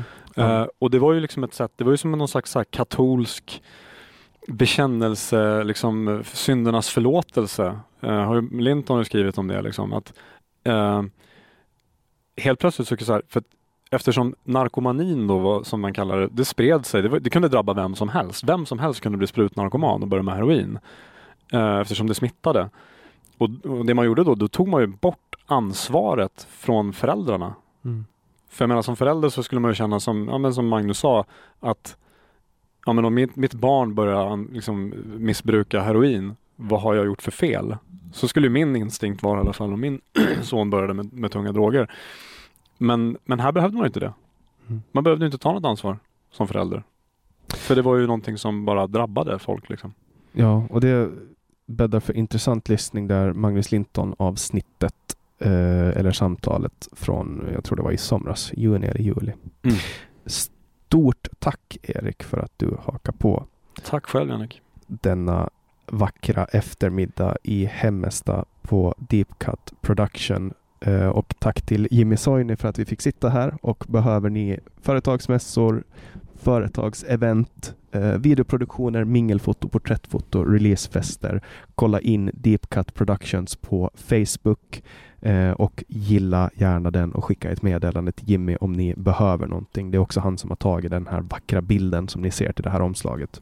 Och till alla er som har lyssnat idag vill jag tacka så jättemycket för att ni kommer tillbaks varje onsdag och lyssnar på podcasten Samtal.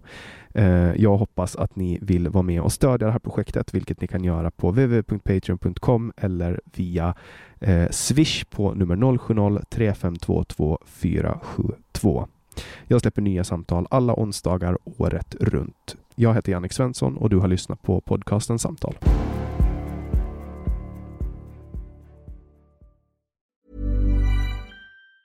Mom deserves the best, and there's no better place to shop for Mother's Day than Whole Foods Market. They're your destination for unbeatable savings, from premium gifts to show-stopping flowers and irresistible desserts. Start by saving 33% with Prime on all body care and candles. Then get a 15-stem bunch of tulips for just $9.99 each with Prime. Round out Mom's menu with festive rosé, irresistible berry chantilly cake, and more special treats. Come celebrate Mother's Day at Whole Foods Market. Even on a budget, quality is non-negotiable. That's why Quince is the place to score high-end essentials at 50 to 80% less than similar brands. Get your hands on buttery soft cashmere sweaters from just 60 bucks, Italian leather jackets, and so much more. And the best part about Quince, they exclusively partner with factories committed to safe, ethical, and responsible manufacturing. Elevate your style without the elevated price tag with Quince. Go to quince.com slash upgrade for free shipping and 365-day returns. Hi, I'm Daniel, founder of Pretty Litter. Cats and cat owners deserve better than any old-fashioned litter. That's why I teamed up with scientists and veterinarians to create Pretty Litter. Its innovative crystal formula has superior odor control and weighs up to 80% less than clay litter. Pretty Litter even monitors health by changing colors to help detect early signs of potential illness. It's the world's smartest kitty litter. Go to prettylitter.com and use code ACAST for 20% off your first order and a free cat toy. Terms and conditions apply. See site for details.